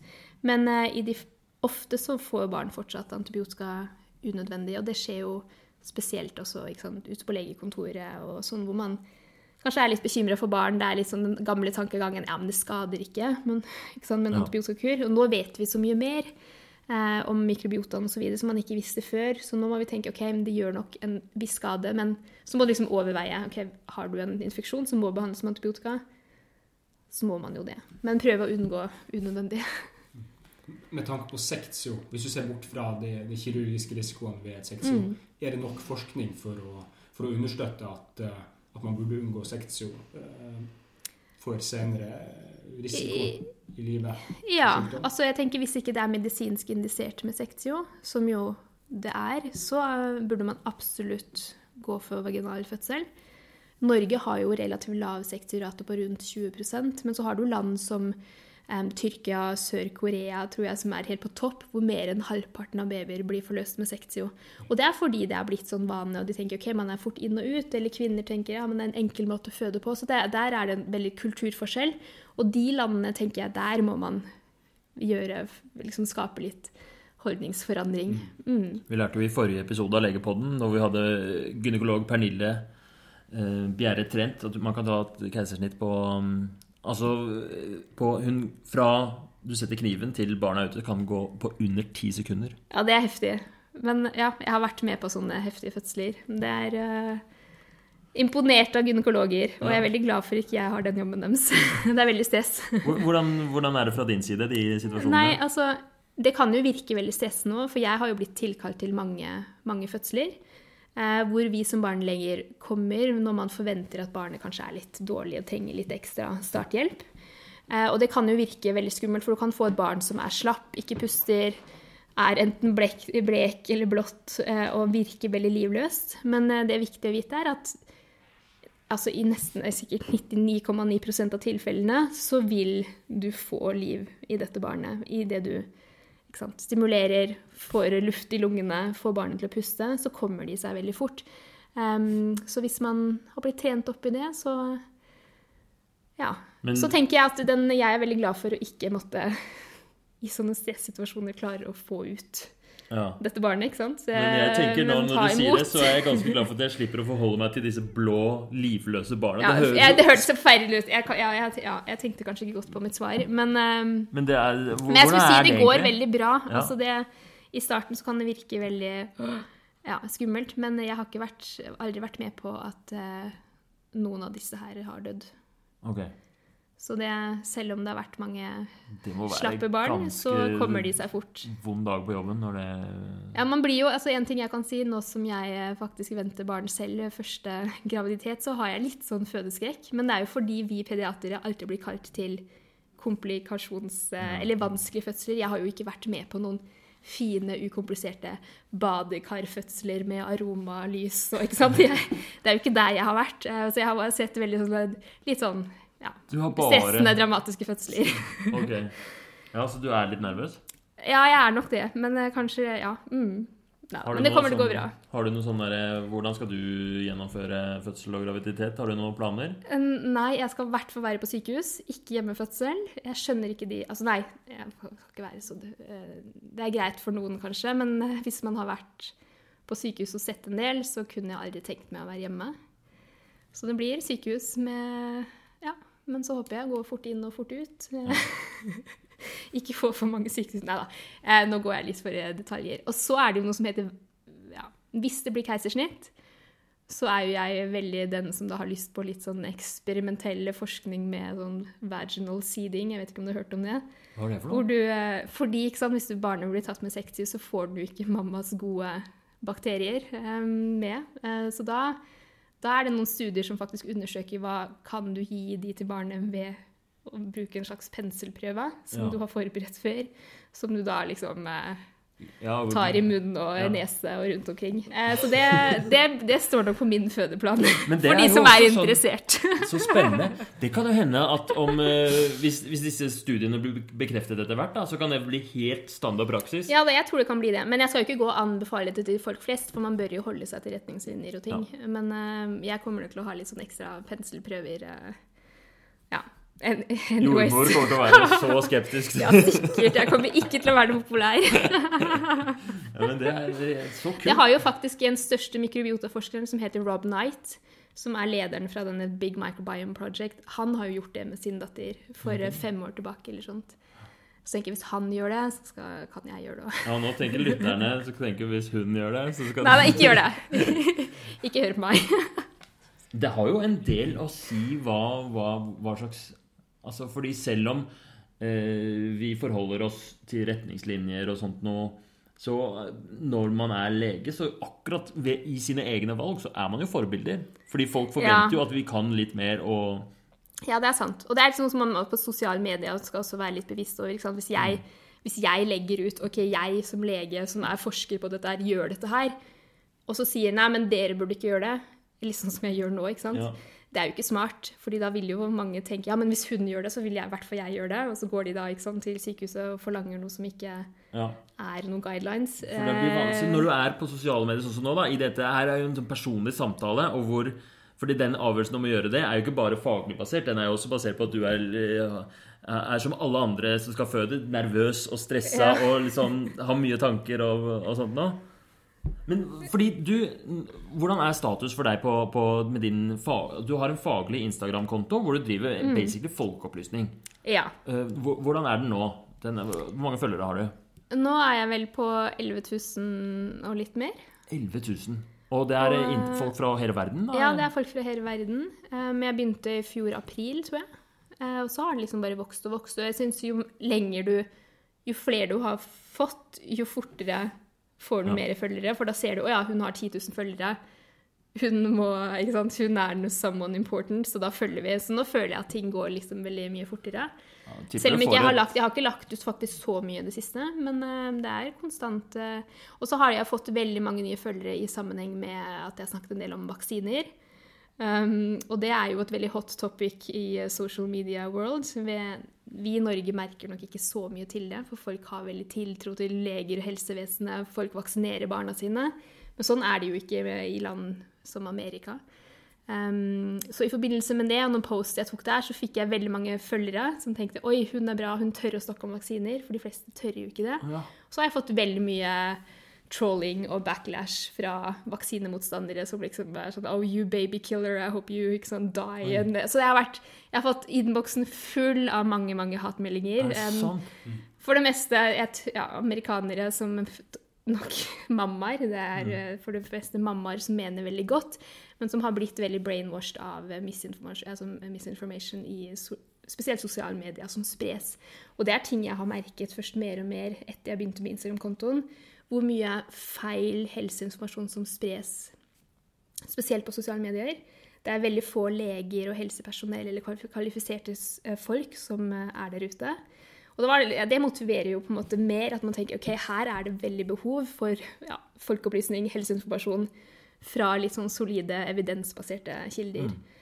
Så jeg føler at det faktisk eh, Ja, det har vært veldig gøy og veldig viktig. Jeg tenker det, er, det hadde vært fint om det er flere leger og engasjerte folk som er der ute, fordi det er mm, Hvor et kom stort den ideen fra, da? At du starter starte liksom. Fordi Mm.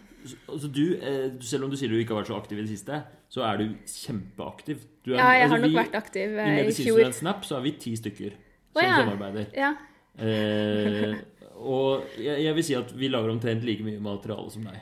Ja, men jeg, ja, ikke sant? Når folk spør meg hvordan har du tid um, Jeg hadde nok kanskje litt bedre tid i fjor da jeg bodde i Australia. Men jeg, jeg er litt sånn som ikke tenker så lenge over ting jeg legger ut. Hvis jeg legger ut en video eller ting og tang, så går det ganske fort. Um, så jeg bruker ikke vanvittig mye tid faktisk på Instagram. Um, Men det overrasker meg. Tegner du de tegningene selv? ja. Ja. Men det er jo litt sånn uh, terapi når Ja. jeg sitter med Netflix og tegner. Ja, men Det er fine illustrasjoner, og det er grundige tekster. Og man får virkelig inn det er så proft. da. Jeg er Ja, veldig veldig imponert. Og jeg men visste om, da du Det veldig sta hyggelig. Jeg husker da du starta den, du, da det kom liksom, for du hadde din egen, og så kom plutselig dr. Karina Saunders. Som Ja. var sånn, Jeg visste med en gang at det her ble super Og gjorde du det? Ja, ja. Og det- det er og- godt å ha en fan som deg. nå. ja men og, og nå er det 10 000-11 000. Den der veksten her kommer bare til å være eksponentiell. Merk mine ord. Ja, Lag, ok. Kjør noen koronavirus-updates nå, så er du, da er du der. Jo da, men jeg har faktisk Ja, jo da. Jeg, det er veldig gøy, og jeg Mm. har veldig store ambisjoner eller visjoner for hva man mm, Altså, kan gjøre. Fordi nå allerede du- Det er så mange poster her som er ekstremt informative og velformulerte. Og nå høres det ut som jeg er betalt for å gjøre det, men jeg mener det. Altså, eh, fordi vi har jo prøvd noen ganger å skrive, eh, drive litt sånn faglig på Medisinstudentsnap. Fordi vi har, vi har quizene våre, og så har vi en del tull og tøys, og så har vi det der personlige tingene med intervjuer og sånt noe. Vi har prøvd til tider å lage faglig innhold, og det er altså så vanskelig. Og, Ja. og, og få til riktig, at det er velformulert, at det er enkelt Mm. og, og så har du bare visse Du kan ikke bruke for mange ord, ikke sant? Mm. Ja.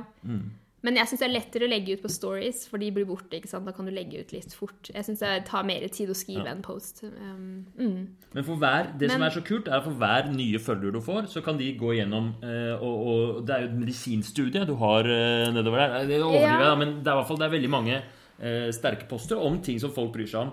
Ja, om altså, eh, Hvilke temaer er det du har vært gjennom? Du har vært gjennom vaksinasjon. Altså, eh, Målet var jo på en måte å skrive litt sånn om livsstil og kosthold, mikrobiota, litt sånne ting jeg forsker på. Så har det på en måte blitt enda mer generelt, fordi folk lurer på mange ting.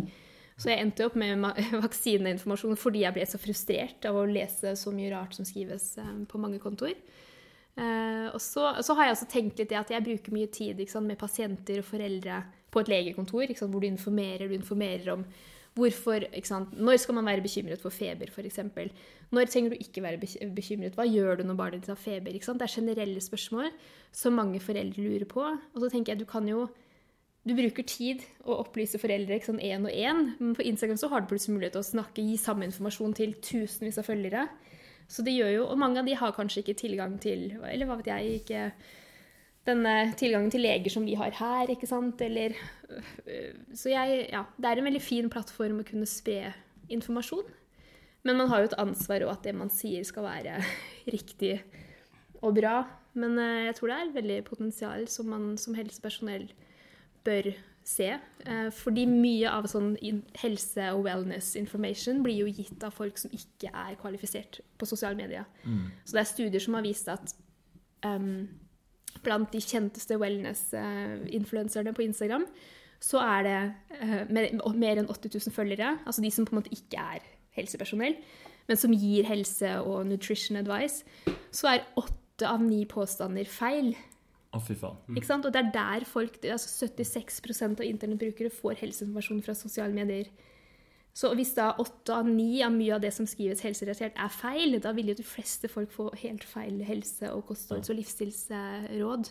Så det tenker jeg er veldig skremmende. Men tenker du at, at, at vi i legestanden at vi, at vi er for dårlige? At vi burde, burde være til stede på sosiale Altså, medier?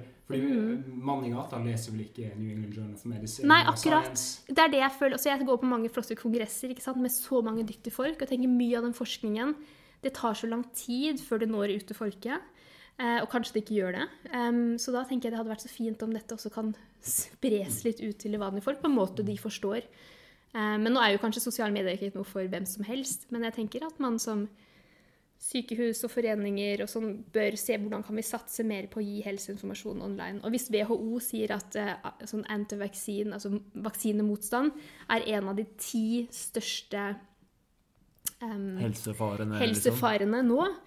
På grunn, og så mye av det er av at dette spres online fra folk som ikke er ikke sant, fagfolk. Så viser jo det hvor viktig er det at på en måte, ja, vi, vi når ut der folk er, på en måte. Mm. Jeg hadde så lang samtale med vaksinemotstander på kontoret. I? I fastlegeturnus. Ja. det var dritspennende. Og, Og det kan være veldig frustrerende. ja, det var jo frustrerende òg, men jeg følte det var liksom jeg, Han gikk fra å være sånn nei, aldri, til å være sånn ok, vi kan ta en samtale til. eh, Ja, så bra. Og det, det har jeg merket også faktisk over Instagram, hvor eh, mange av de som følger, er nok eh, sant, for vaksiner. Det er derfor de har valgt å følge meg. For de tenker 'oi, så bra hun snakker om dette her'. Men så har jeg hatt flere som er liksom sånn litt på sidelinjen, som ikke vet, ikke tør, fordi de har lest og hørt, de har kanskje sett Netflix eller dokumentarer om eh, vaksiner og hva de gjør, for det finnes sånn vax og andre ting. Um, så jeg vet mange som har vært veldig bekymret og kanskje ventet med å vaksinere. Og det er mange, flere som har sagt at pga. informasjonen jeg har gitt, så har de valgt å vaksinere sitt barn. Og så har jeg også hatt hvert fall tre meldinger av folk som har sagt du, min venninne hun har vært skikkelig vaksinemotstander, hun har forandret meningen sin pga. din Instagram. Og da tenker jeg OK, dette her er faktisk eh, Tenk Det så er fett, da. viktig. At ved å, å, Og det er bare de som faktisk har valgt å svare og skrive meg en melding. Det kan jo være flere som har liksom gjort Mm. det samme. Kan vi ikke bare ha en sånn mønstring av helsevesenet? liksom Få komme oss ut på sosiale medier? Jo, og... jeg tenker det. Jeg synes det var hårreisende når vi skulle lage den podkasten Legepodden, at ingen har laget Legepodden før. Det var litt irriterende. Ja, det trengs folk som deg, Herman, som tenker litt nytt. Jeg, jeg tenker at en viktig grunn til at mange ikke tør å bi seg ut på formidling, fagformidling, eh, er fordi man er redd for å si noe feil. Og det, selv du som er toppforsker, er redd for å si noe feil. Ja, ja. Og, og Men det som er fint å tenke på, som egentlig er så genialt med sosiale medier, i motsetning til hvis man skal skrive en artikkel eller skrive en bok eller skrive avisa, det er at med en gang du skriver noe som er feil, så er det noen som sier 'vent litt'. Det har skjedd mange ganger på medisinstudentene. Ja, ja. Hei, hei, hei, det her var feil. Eller det her var eh, teit sagt. Eller, Ja. Og så er det bare rett inn og fikse det med en gang. Ja. Så du blir egentlig Det er en veldig enkel prosess. Du kan bare kjøre på, få det ut og prøve deg fram. Og så er det ingen som, eh, som blir sure hvis du eh, korrigerer Mm. noe eller, eh, eller tar, tar tilbakemelding til deg. Med en gang man er skråsikker og, og sånt, Ja. så selvfølgelig. Men Og det er kanskje litt viktig at følgere også ser hvis jeg har tatt feil, um, og det har jeg gjort, at jeg har på en måte anbefalt noe som jeg da så Nei, det var faktisk ikke en god, ikke en god anbefaling. var det de gravidbuksene fra i går, eller? nei, det var veldig umedisinsk. Men da, da, ja, nei, da anbefalte jeg faktisk mine topp-podcaster, og en av de podcastene er jeg ikke så godt kjent med, og det er jo en sånn wellness-guru som snakker om mange medisinske ting, som jeg hadde hørt noen få podcaster som var bra. Så jeg la ut ok, mine topp-podcasts, og den var en av de, og så var det en ernæringsfysiologekspert her i Norge som skrev du, eh, jeg hadde nok ikke anbefalt han, for han sier så mye rart som det, det, det, det, det. Og da gikk jeg ut og sa, vet du hva, jeg har fått eh, den og den informasjonen, her tar jeg feil. Og? Så det er viktig at man er litt ydmyk også. Eh, og Mm. Men så innrømmer når man gjør da. feil. Ikke sant? Altså, jeg tenker det er greit. Og så vet man man er jo mm. Og da, ved å Og mer kredibilitet, kanskje, når man ser at hun gjør det. Ja, Ja, innrømmer feil. Du, det er bedre kredibilitet for det. Og de som har fått det med seg, har fått feil informasjon først, og så får med seg den etterpå. For jeg, da lærer man seg enda Ja, mer. da. ja. Jeg tenker at det, det, er, det er ganske lite å tape. Så um, Mm. Jeg syns ulempen med å drive uh, med sosiale medier sånn som vi gjør, er jo den der, at det er slitsomt for seg sjøl. Hva tenker du om det? Du, er, det mye, er det stress for deg? Eh, nei, men jeg har nok hatt nå en fase de siste to månedene hvor jeg ikke har vært så veldig motivert. Og da har jeg også bare lagt ut mindre. Man mister jo ikke følgere på en måte. Og nå som jeg kjenner at nå har jeg litt mer lyst og litt mer energi, så jeg, ja, tenker jeg da jeg kommer tilbake igjen. Og da kan man bare fortsette der man var. Så det er litt sånn opp og ned. Eh, Men jeg, for det meste så syns jeg det har vært veldig gøy. eh, Og noe som er litt sånn Som leger så er det jo ikke så veldig sånn kreativ verden på en måte. Og jeg er nok en liten kreativ sjel, så jeg føler Instagram også gir meg litt av det. Mm. Tenker, har Du hva, du nevnte i stad at du hadde sånne store visjoner. Si Nei, nei, jeg, nei, store visjoner.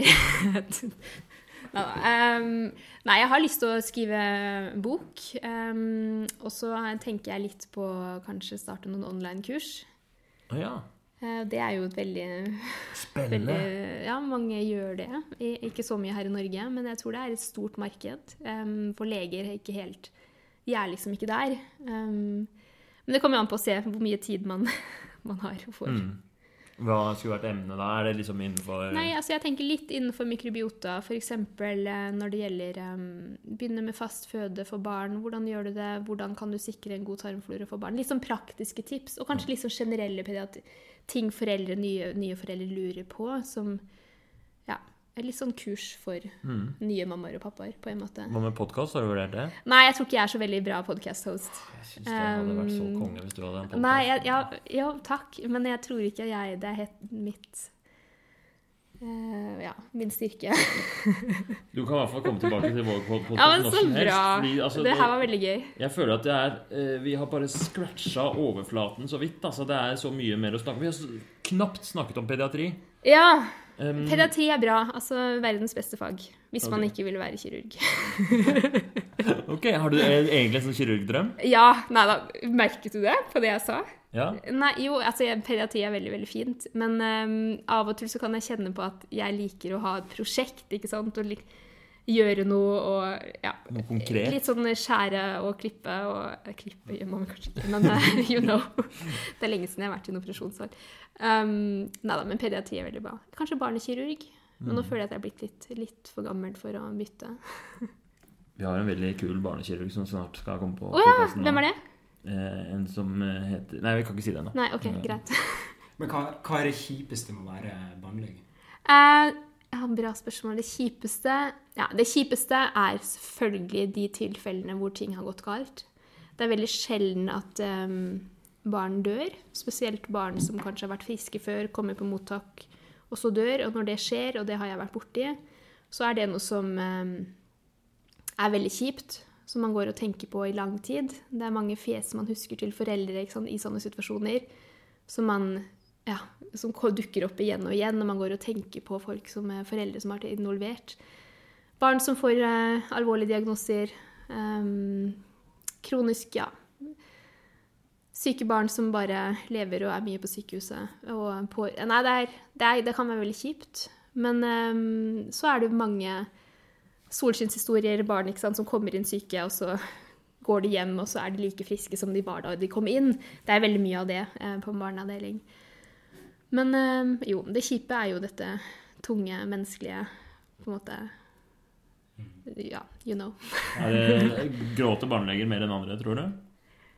Eh, jeg har prøvd å ikke gråte foran pasienter. Um, men eh, det har skjedd at jeg har grått på sykepleierrom og sånn i, hvis det har skjedd tragiske ting på vakt. Ja, type mm, Hvis noen har dødd, eller som, som sagt skjer veldig, veldig sjeldent. Da har jeg absolutt grått. Eller, ja Hvilke sykdommer er det som tar livet av Ja, fortell, fortell, om, fortell om vakta først. Nei, eller en annen vakt eh, hvor det var en som eh, En ung jente som eh, kom inn. Hun hadde hengt seg selv. Og hun var på en måte hjernedød da hun kom inn, ikke sant? men Oi. var jo helt holdt i live, på en måte. Og da var det sånn at man Det er, det er ting man ikke oh, prosesserer lett. Hvor man også etterpå i debriefing bare Hun var tolv år. Det kan jeg si fordi jeg har vært ute med, på TV og litt av hvert, så det er en kjent sak. Eh, ellers så har man jo liksom litt taushetsplikt. Men eh, fordi det skjer så sjelden, så kan man jo fort identifisere hvem det er. Og det er sånne ting som man ikke Man husker veldig godt ansiktene, søsknene. Og man husker Ja, det var en del eh, gråt da i debrifingen etterpå, fordi det, det blir så vondt og så nært. Mm. Det hørtes ut som verdens verste dag på jobb. Ja, det var heftig. Men, eh, så det har vært en del sånne caser som man husker veldig godt, som man tar litt med seg. Sånn er det sikkert i voksenmedisin òg, men det er liksom noe spesielt hvis det er barn. Um, Syns jeg. Mm. Men jeg jobber på akuttpsykiatrisk nå, så jeg har opplevd noe eh, En pasient som hang seg på avdelinga. Ja. Det skjer liksom det, det, Man kan liksom ikke ja, Eller, ja. Nå hadde ikke jeg så mye med den pasienten å gjøre, men det er jo helt eh, Det er ikke så hyggelig sånn på noen debrifing etter det. Nei. Og man er, vi er jo mennesker, vi også. Det er helt naturlig, tenker jeg, at det skaper reaksjoner og følelser. Um, mm. Tolv år, det er, jeg visste ikke at det var mulig engang. jeg. Nei, det, det er nok sjeldent. Men um, mm, vi ser jo en god del økning i tenåringer som kommer med altså, suicidale tanker og intoksikasjoner og ting. Um, så jeg tror nok eh, psykisk helse hos uh, ungdom og tenåringer i dag er nok um, ja, kanskje ikke så bra som den har vært før. Dette med, med suicidalitet og, Mm. og, og barn. Mm. Det, det kan ikke jeg huske at vi lærte noen på Nei. Det kan jeg ikke huske at vi gjorde heller. Og det er jo, altså Hos barn så er det veldig sjeldent. Eh, Men vi har jo faktisk eh, barn og barn helt opp til 18 år. Eh, Så ja, 16-åringer, 17-åringer som kommer inn med Paracet, Intox og sånt, det er noe vi ser ganske ofte. Og ofte er det jo litt sånn ja, kjipe omstendigheter eller følelser og ting som får de til å gjøre det, og det har vært en økning av tilfeller. Mm. Der er det også aktuelt å snakke om sosiale medier, da, for det har, det har Ja. vært en sak i det siste. Det er sånne, sånne grupper eller nettverk eller sånne eh, Sånne Ja, av unge, mest unge jenter da, som har sånne derre som fyrer hverandre opp til selvskading og sånt. Oi, ja. ja. Det var, de, det, var, det var et sånt nettverk som ble oppdaget, hvor eh, på, på norske jenter i tenårene, hvor et, eh, om det var ti stykker eller seks eller syv-åtte stykker som hadde, hadde tatt livet sitt da, fra Nei, en sånn derre Det har ikke jeg fått med meg. sånn gruppe Jo, også, saken er det at Instagram dette ble rapportert, og Instagram visste om disse At de la ut bilder av at de skadet seg selv og, og, og sånt noe. Og, og, så kritiserer man Instagram for at man ikke har gjort noe. Ja. Ja, ikke sant? Sosiale medier er nok eh, både kan være veldig positivt, men det har veldig mange negative sider òg. Ja. mm. Jeg, jeg tror det er fort gjort å, å liksom være veldig sint på sosiale medier for at de finnes i sånne sammenhenger. Men, men det, jeg, jeg tror det styrker det argumentet om at vi som eh, lege har visst ansvar for å på en måte i hvert fall kjenne til det som er arena, og om ikke alle skal gå rundt, rundt og være TikTok-leger, liksom. Så? Så, så, så kan, kan du jo, som du sier, du kan jo faktisk eh, drive livreddende arbeid der òg. Ja. kan Og det fins mange bra profiler. Hvis Ja. man ser etter de, så har jeg begynt å følge mange bra helseprofiler, om det er ernæringseksperter og forskjellige ting, som har gjort at jeg har lært masse eh, i den tiden jeg har fulgt. Så man er jo litt ansvarlig selv på ok, hvem følger man. Er det bare Kardashians?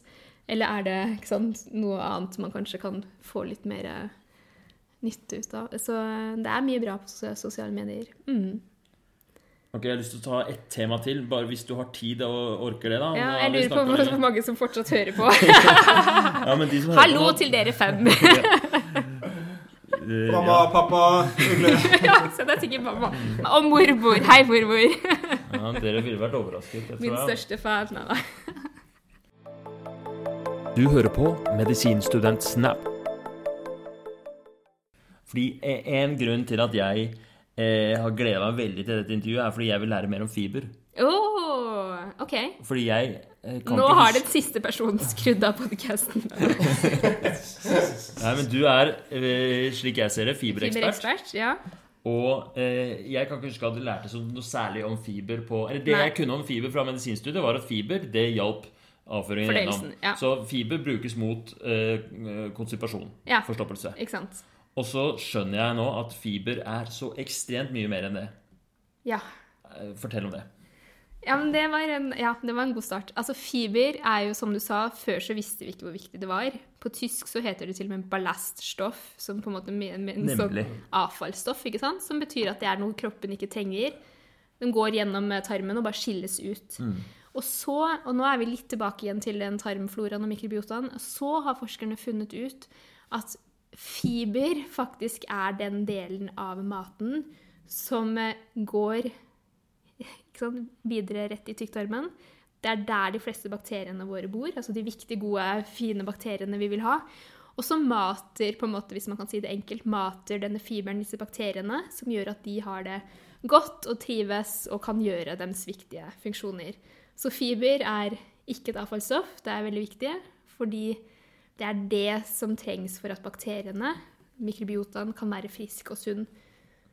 Så hvis Ja. du på en måte tenker at man eh, Det er to eh, organismer som eh, det, er, det er menneskekroppen, og så er det bakteriene. Ja. Og vi lever i et samarbeid. Og hvis den ene sliter, så sliter begge. Ja, yes, det var fedt sagt. Og, og hvis man ikke spiser nok fiber, så er det som om man sulter den ene. Ja, det var veldig ene. Ikke sant? Akkurat. Så hvis man ikke spiser fiber, som jo litt sånne trender som eh, lav karbo eller keto diet, ikke sant, eller på Instagram så finner du folk som plutselig bare skal spise kjøtt. Det er jo veldig veldig dumt for mikrobiotaen, for mikrobiotaen trenger fiber eller komplekse karbohydrater. Um, uten det så vil ikke mikrobiotaen klare seg å være frisk. Um, mm. Hvor, hvor, hvordan er det egentlig med eh, Befolkningen, spiser man nok fiber? Er, har du Nei. tall på det? Ja, eh, altså fiber, for de som kanskje ikke vet det, det er en del Altså, det som inneholder fiber, er grove kornprodukter. Det er nok det nordmenn da spiser mest av, eh, eller største fiberkilde. Så er det grønnsaker og frukt, nøtter, belgvekster som eh, linser, bønner, kikkerter har masse fiber, Um, og frø. Så alt som plantemat, det er det som inneholder fiber. Eh, og så vet vi nå vet jeg, jeg kan ikke huske akkurat tall på Norge, men i USA så spiser en gjennomsnittlig amerikaner under 15 gram fiber hver dag. Og det er veldig lite. Vi burde spise i hvert fall dobbelt så mye. Minimum 30 gram per dag. Eh, og det, ja, det krever jo at man tenker litt over okay, hva har jeg spist i dag. Har jeg spist frukt og grønt? Har jeg spist grovt korn? Eller har det bare vært Grandiosa? Det som jeg syns var så kult når jeg lærte om fiber av, deg, basically, av din, det var at jeg har alltid hatt en forståelse av eller Jeg har alltid tenkt sånn eh, Grønnsaker er sunt, frukt er sunt, og grove kornprodukter er sunt. Men det jeg har lært, er at man skal ha en riktig balanse. Man skal ikke ha for mye karbohydrater og sukker, og så skal man ha proteiner og det sunne fettet. Og de to eh, sannhetene de henger jo ikke sammen. Er, altså, hvis, du skal, hvis man bare tenker på karbohydrater, protein og fett, så gir det ikke noe mening at, uh, at uh, grønnsaker og nøtter er sunne.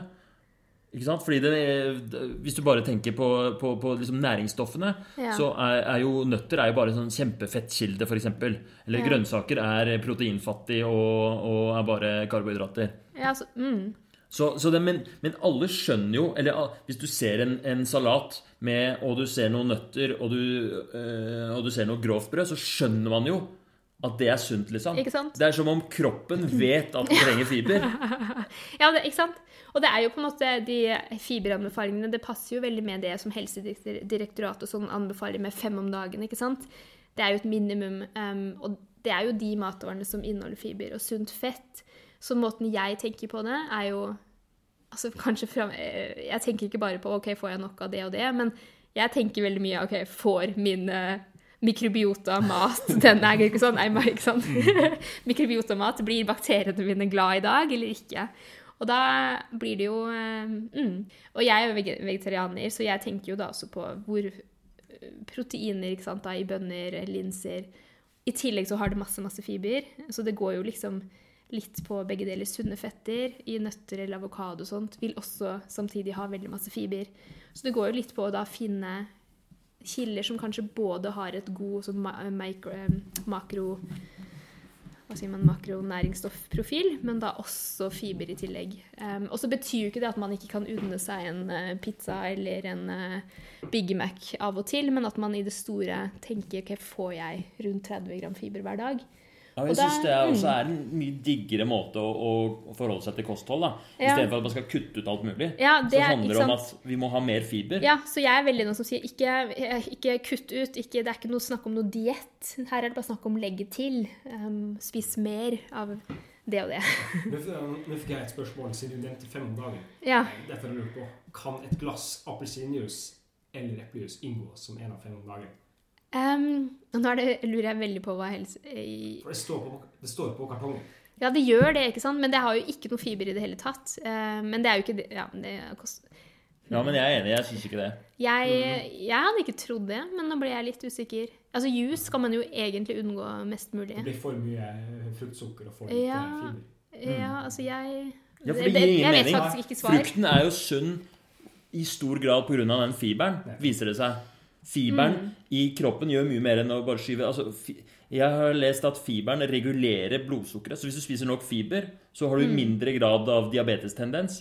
Og fiberen regulerer også eh, kolesterolnivåene Ja. i positiv retning. Så hvis du spiser nok fiber Jeg har lest meg opp siden jeg lærte deg der. Så, så, så vil du ha mindre grad av eh, hjerte-karsykdom. Mm, det er sant. Så um, alt, de sykdommene som man prøver å påvirke ved å eh, fjerne sukker eller fjerne fett, de kan man egentlig også eh, påvirke ved å øke fiberinnholdet. Mm. Så derfor er eh, appelsinen er sunn fordi det er de der slimtrene ikke sant? og fiberne som ligger der. Ja. Og eplet er sunt pga. fiberen som ligger i den. Mm. Så hvis man skviser ut og juser det, så mister det hele poenget. Ja. Ja, altså jeg pleier da heller å gå for eh, smoothier, hvor jeg bruker helfrukt og ting som jeg da blander i en smoothie. Hva er din eh, beste smoothie? Åh, en beste smoothie. Åh, jeg vet ikke om jeg har en beste smoothie. Kanskje med spinat og grønnkål og noe frossen banan og frossen mango. Oi. Og eh, ingefær. Det er ekte Instagram-smoothie. ja. Og ja. Har ikke lagd smoothie riktig. Det, Nei. Nei, hva, hva gjør du? Nei, jeg tar litt, uh, litt appelsinjuice, altså litt uh, bringebær og litt jordbær. Ja, men det høres bra ut òg. Altså litt sukker noen ganger. Nei! oh, ja. Men, eh, ja. Men når de, bare for å si det med fiber, så vet man Så har vi jo Vi spiser veldig lite fiber, og så det har også sammensvar med at vi i vår vestlige verden har en litt sånn ikke den beste tarmmikrobiotaren. Og så ser vi i eh, sånne eh, Hva sier man eh, Indigenous communities. eh, Ja, på en sånne, samme stammesamfunn Ja, og sånn. I Amazonas og i Afrika og sånn, hvor de lever helt sånn adskilt fra den vestlige verden. Og spiser helt annerledes enn oss. Da kan de spise opptil 80-100 gram fiber hver dag. Og de har 40% mer type tarmbakterier enn det vi har. Samtidig som de er helt friske Altså de sykdommene vi ser hos oss, fins ikke der. Altså kroniske autoimmune sykdommer som, som vi har, har ikke de. Altså, okay. og, det, og det har veldig å gjøre med både måten de lever på, um, all den fiberen vi spiser, som også da påvirker deres mikrobiota. Men nå er det jo sikkert sånn at, jeg bare for å si en ting til, kanskje for de som er interessert, at vi nok kanskje aldri kan komme tilbake dit vi var for 100 år siden. For mange av disse på en måte, mikrobiotaene har blitt veldig forandret fra um, ja, eh, over det siste liksom, århundret. Og det har å gjøre med vår vestlige verden som har blitt veldig industrialisert. Og vi har på en måte mista bakterietyper vi har hatt før, som ikke vi kan få tilbake igjen. Eh, Så man tenker jo at dette her er noe man må stoppe før det går for langt fra generasjon til generasjon. Um, mm, Men så, så, så urfolk, de har, de har høyere diversitet, som vi Ja. kaller det. Altså, akkurat. altså artsrikdom og Ja. spredning av den rikdommen. Artsrikdommen. Mm, Eh, Og det er, jo, det er jo interessant, for det er noe vi ser ved, ved veldig mange sykdommer man, eh, som Mm. vi forsker på. Det er at, at diversiteten er lavere sammenlignet med friske.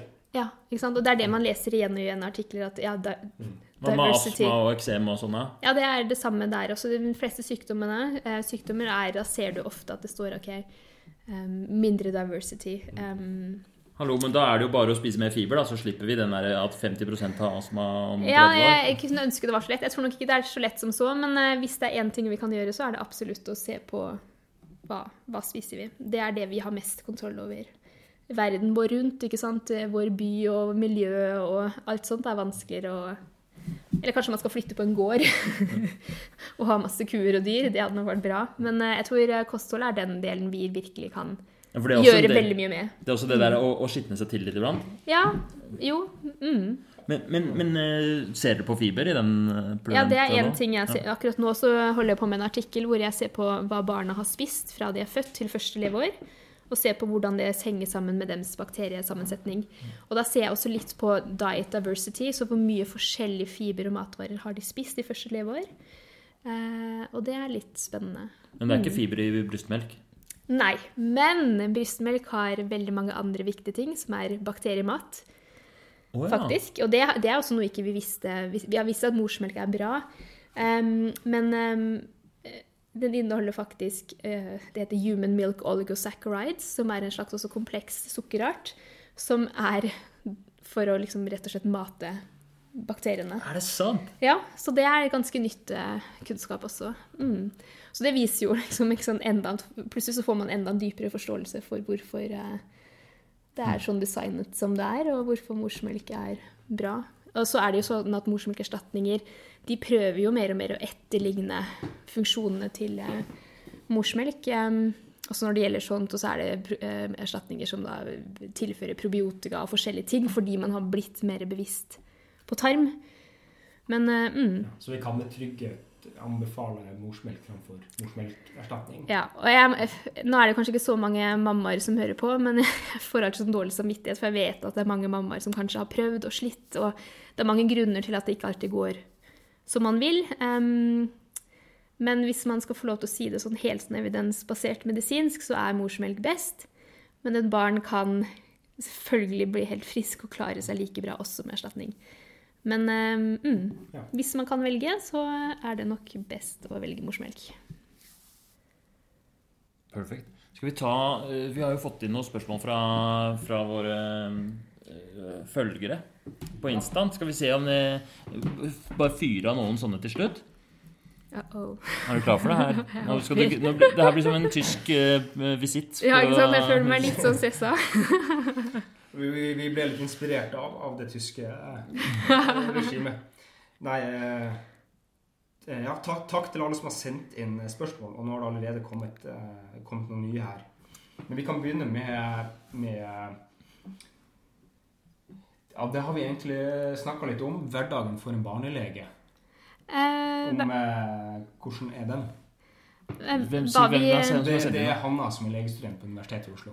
Altså Hverdagen som barnelege, nå kan jeg snakke fra her på Ullevål, som jeg jobbet um, Da begynner man med morgenmøte, og så er man uh, da enten på avdelingen eller på akuttmottaket. Eller på nyfødtintensiv, hvis man er der i rotasjon. Og da går man som regel visitt. Det er jo en slags som indremedisin, bare med små, små pasienter. Så det er mye visitt. Um, og så eventuelt møter. Mye, det blir nok en del epikriseskriving. Og ja. Men eh, det som er veldig fint i pediatri, er at det er et veldig stort fagfelt med mange forskjellige subspesialiteter på en måte, så man har kontakt med veldig mange forskjellige typer pasienter. Så det kan være alt fra astmaforverring til noen med ulcerøs kolitt eh, til epilepsi. Så man ser en veldig stor bredde av pasienter som LIS. Mm. Ja, er Fint. Vi, vi, vi reiser videre. Og han hadde et spørsmål til som jeg syns er litt interessant. Det er om burde barn være vegetarianer? Og jeg kan jo si at mitt barn kommer til å være vegetarianer. Eh, men det betyr ikke at jeg sier at andres barn skal være vegetarianer. For meg så er det en helt personlig avgjørelse.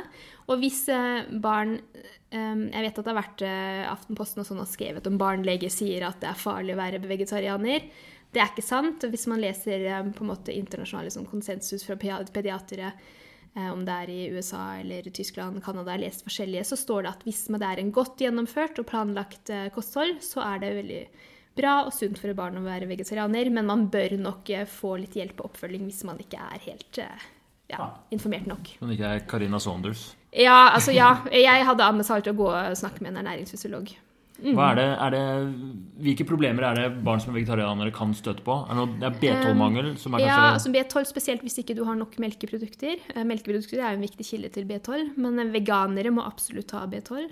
Så er jod kan også være en eh, ting vi ikke får nok av her i Norge, spesielt med lite melkeprodukt. Um, og så er det jo viktig å tenke på jern og andre næringsstoffer og passe på at man får nok av det.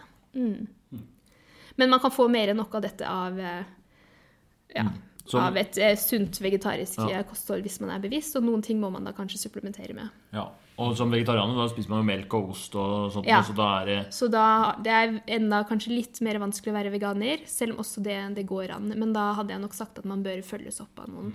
Nå, nå ligger det til et spørsmål, eh, men, men jeg har hørt mange som kritiserer vegetariansk kosthold med tanke på kvali kvaliteten av protein. Det er noe som går igjen.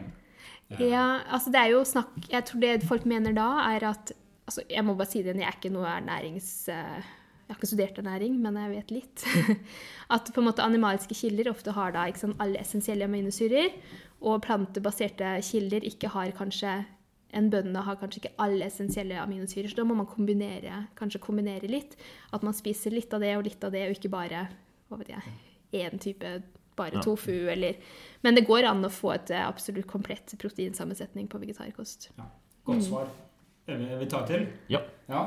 eh, Heidi Krha, interessant navn, eh, spør gi fast føde ved fire eller seks måneders alder. Ok, dette her er veldig øh, vanskelig å svare på, fordi dette blir veldig omdiskutert også i fagmiljøet.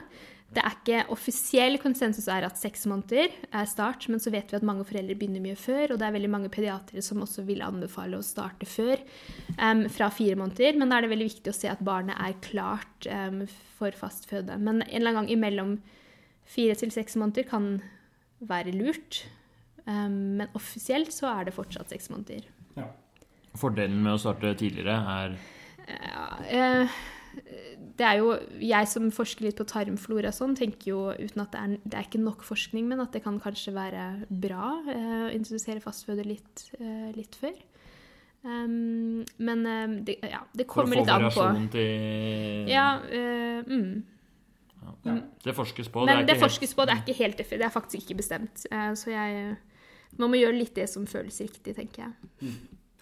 Så spør Sigurd FB om hva tenker du om intermitterende fasting? F.eks. 5-2 eller langvarig fasting. Ok.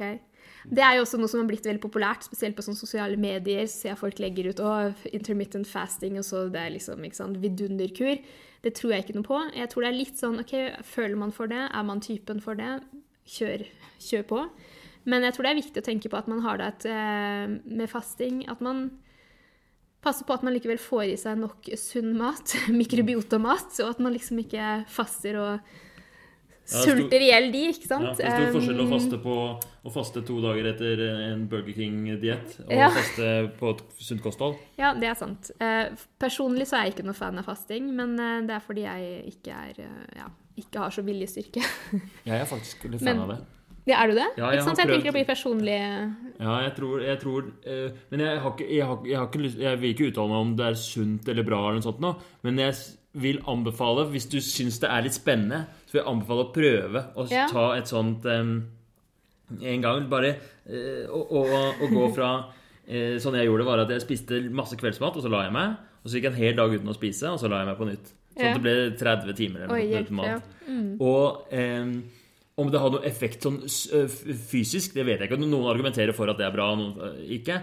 Men den derre mestringsfølelsen av å ha klart å gå, og liksom gå en dag uten å spise, for det hadde jeg aldri gjort før, det var så fett. Og jeg fikk et helt annet forhold til mat etterpå. Jeg hadde så glede av å spise dagen etterpå. Jeg bare satte så pris på denne vaffelen og eh, Så jeg okay. jeg, jeg, Det syns jeg eh, Det var en fantastisk opplevelse og jeg anbefaler. Men du har bare gjort det én gang? Så ikke Jeg noe sånn det par- jeg har gjort det et par ganger. Ja, for å sette ekstra pris på mat. Ja, OK, men det kan være greit tips. Da har vi to svar. Fasting for eh, selvutvikling. ja. Ja, fordi det er fett å prøve. Ok, eh, Lise Penne, eller Penny, det vet jeg ikke helt hvordan skal uttales, sier at, spør om, sier at havregryn er en populær ingrediens med, og langsomme carbs. Er dette effektivt med tanke på å gå ned i vekt? Ja, Nå er jo ikke akkurat vekt og sånn det kanskje jeg vet mest om, eller det jeg forsker på. Men eh, jeg kan jo si at havregryn er en veldig veldig god og viktig fiberkilde. En av de rikeste fiberkildene vi har. Så jeg pleier ofte å spise havregryn. Og så man har jo kanskje merket selv at man blir, holder seg lenger mett av havregryn enn hvit toast. Så det hadde ikke vært rart, tenker jeg sånn logisk sett, om man da kanskje spiser litt mindre annet, og om det også bidrar til slanking. Det kan godt hende. Men uh, havregryn er veldig, veldig bra. Mm. Yes. Ja. Det var det. Takk for, eh, takk for spørsmål. Tusen takk for alle som har sendt inn. Og Karina, tusen 100 millioner takk for at du stilte. Det her ble en kjempegøy episode. eh, vær, så, vær, så, gøy. vær så god. Vær det så var veldig gøy. gøy. Eh, Jeg håper vi kan gjøre det igjen. Jeg håper vi, vi, nå skal vi, ta, vi må ta noen bilder og lage en liten videosnutt til Instagrammen. Og så må vi få til, em, få til noe mer samarbeid mellom disse Instagram-kontoene og Ja. gjøre masse mer framover. Jeg er veldig fan av det dere gjør. Så bra. Tusen takk. Selv om ikke jeg er medisinstudent, så er jeg med på medisinstudent Snap. Det er bra. Det er bra. Tusen takk, og ha en fin dag, alle sammen. Ha det bra. Takk for nå. Vi er Medisinstudent Snap. Følg oss på Instagram. Der har vi quiz hver dag og mye annen medisinsk moro. Ha det bra!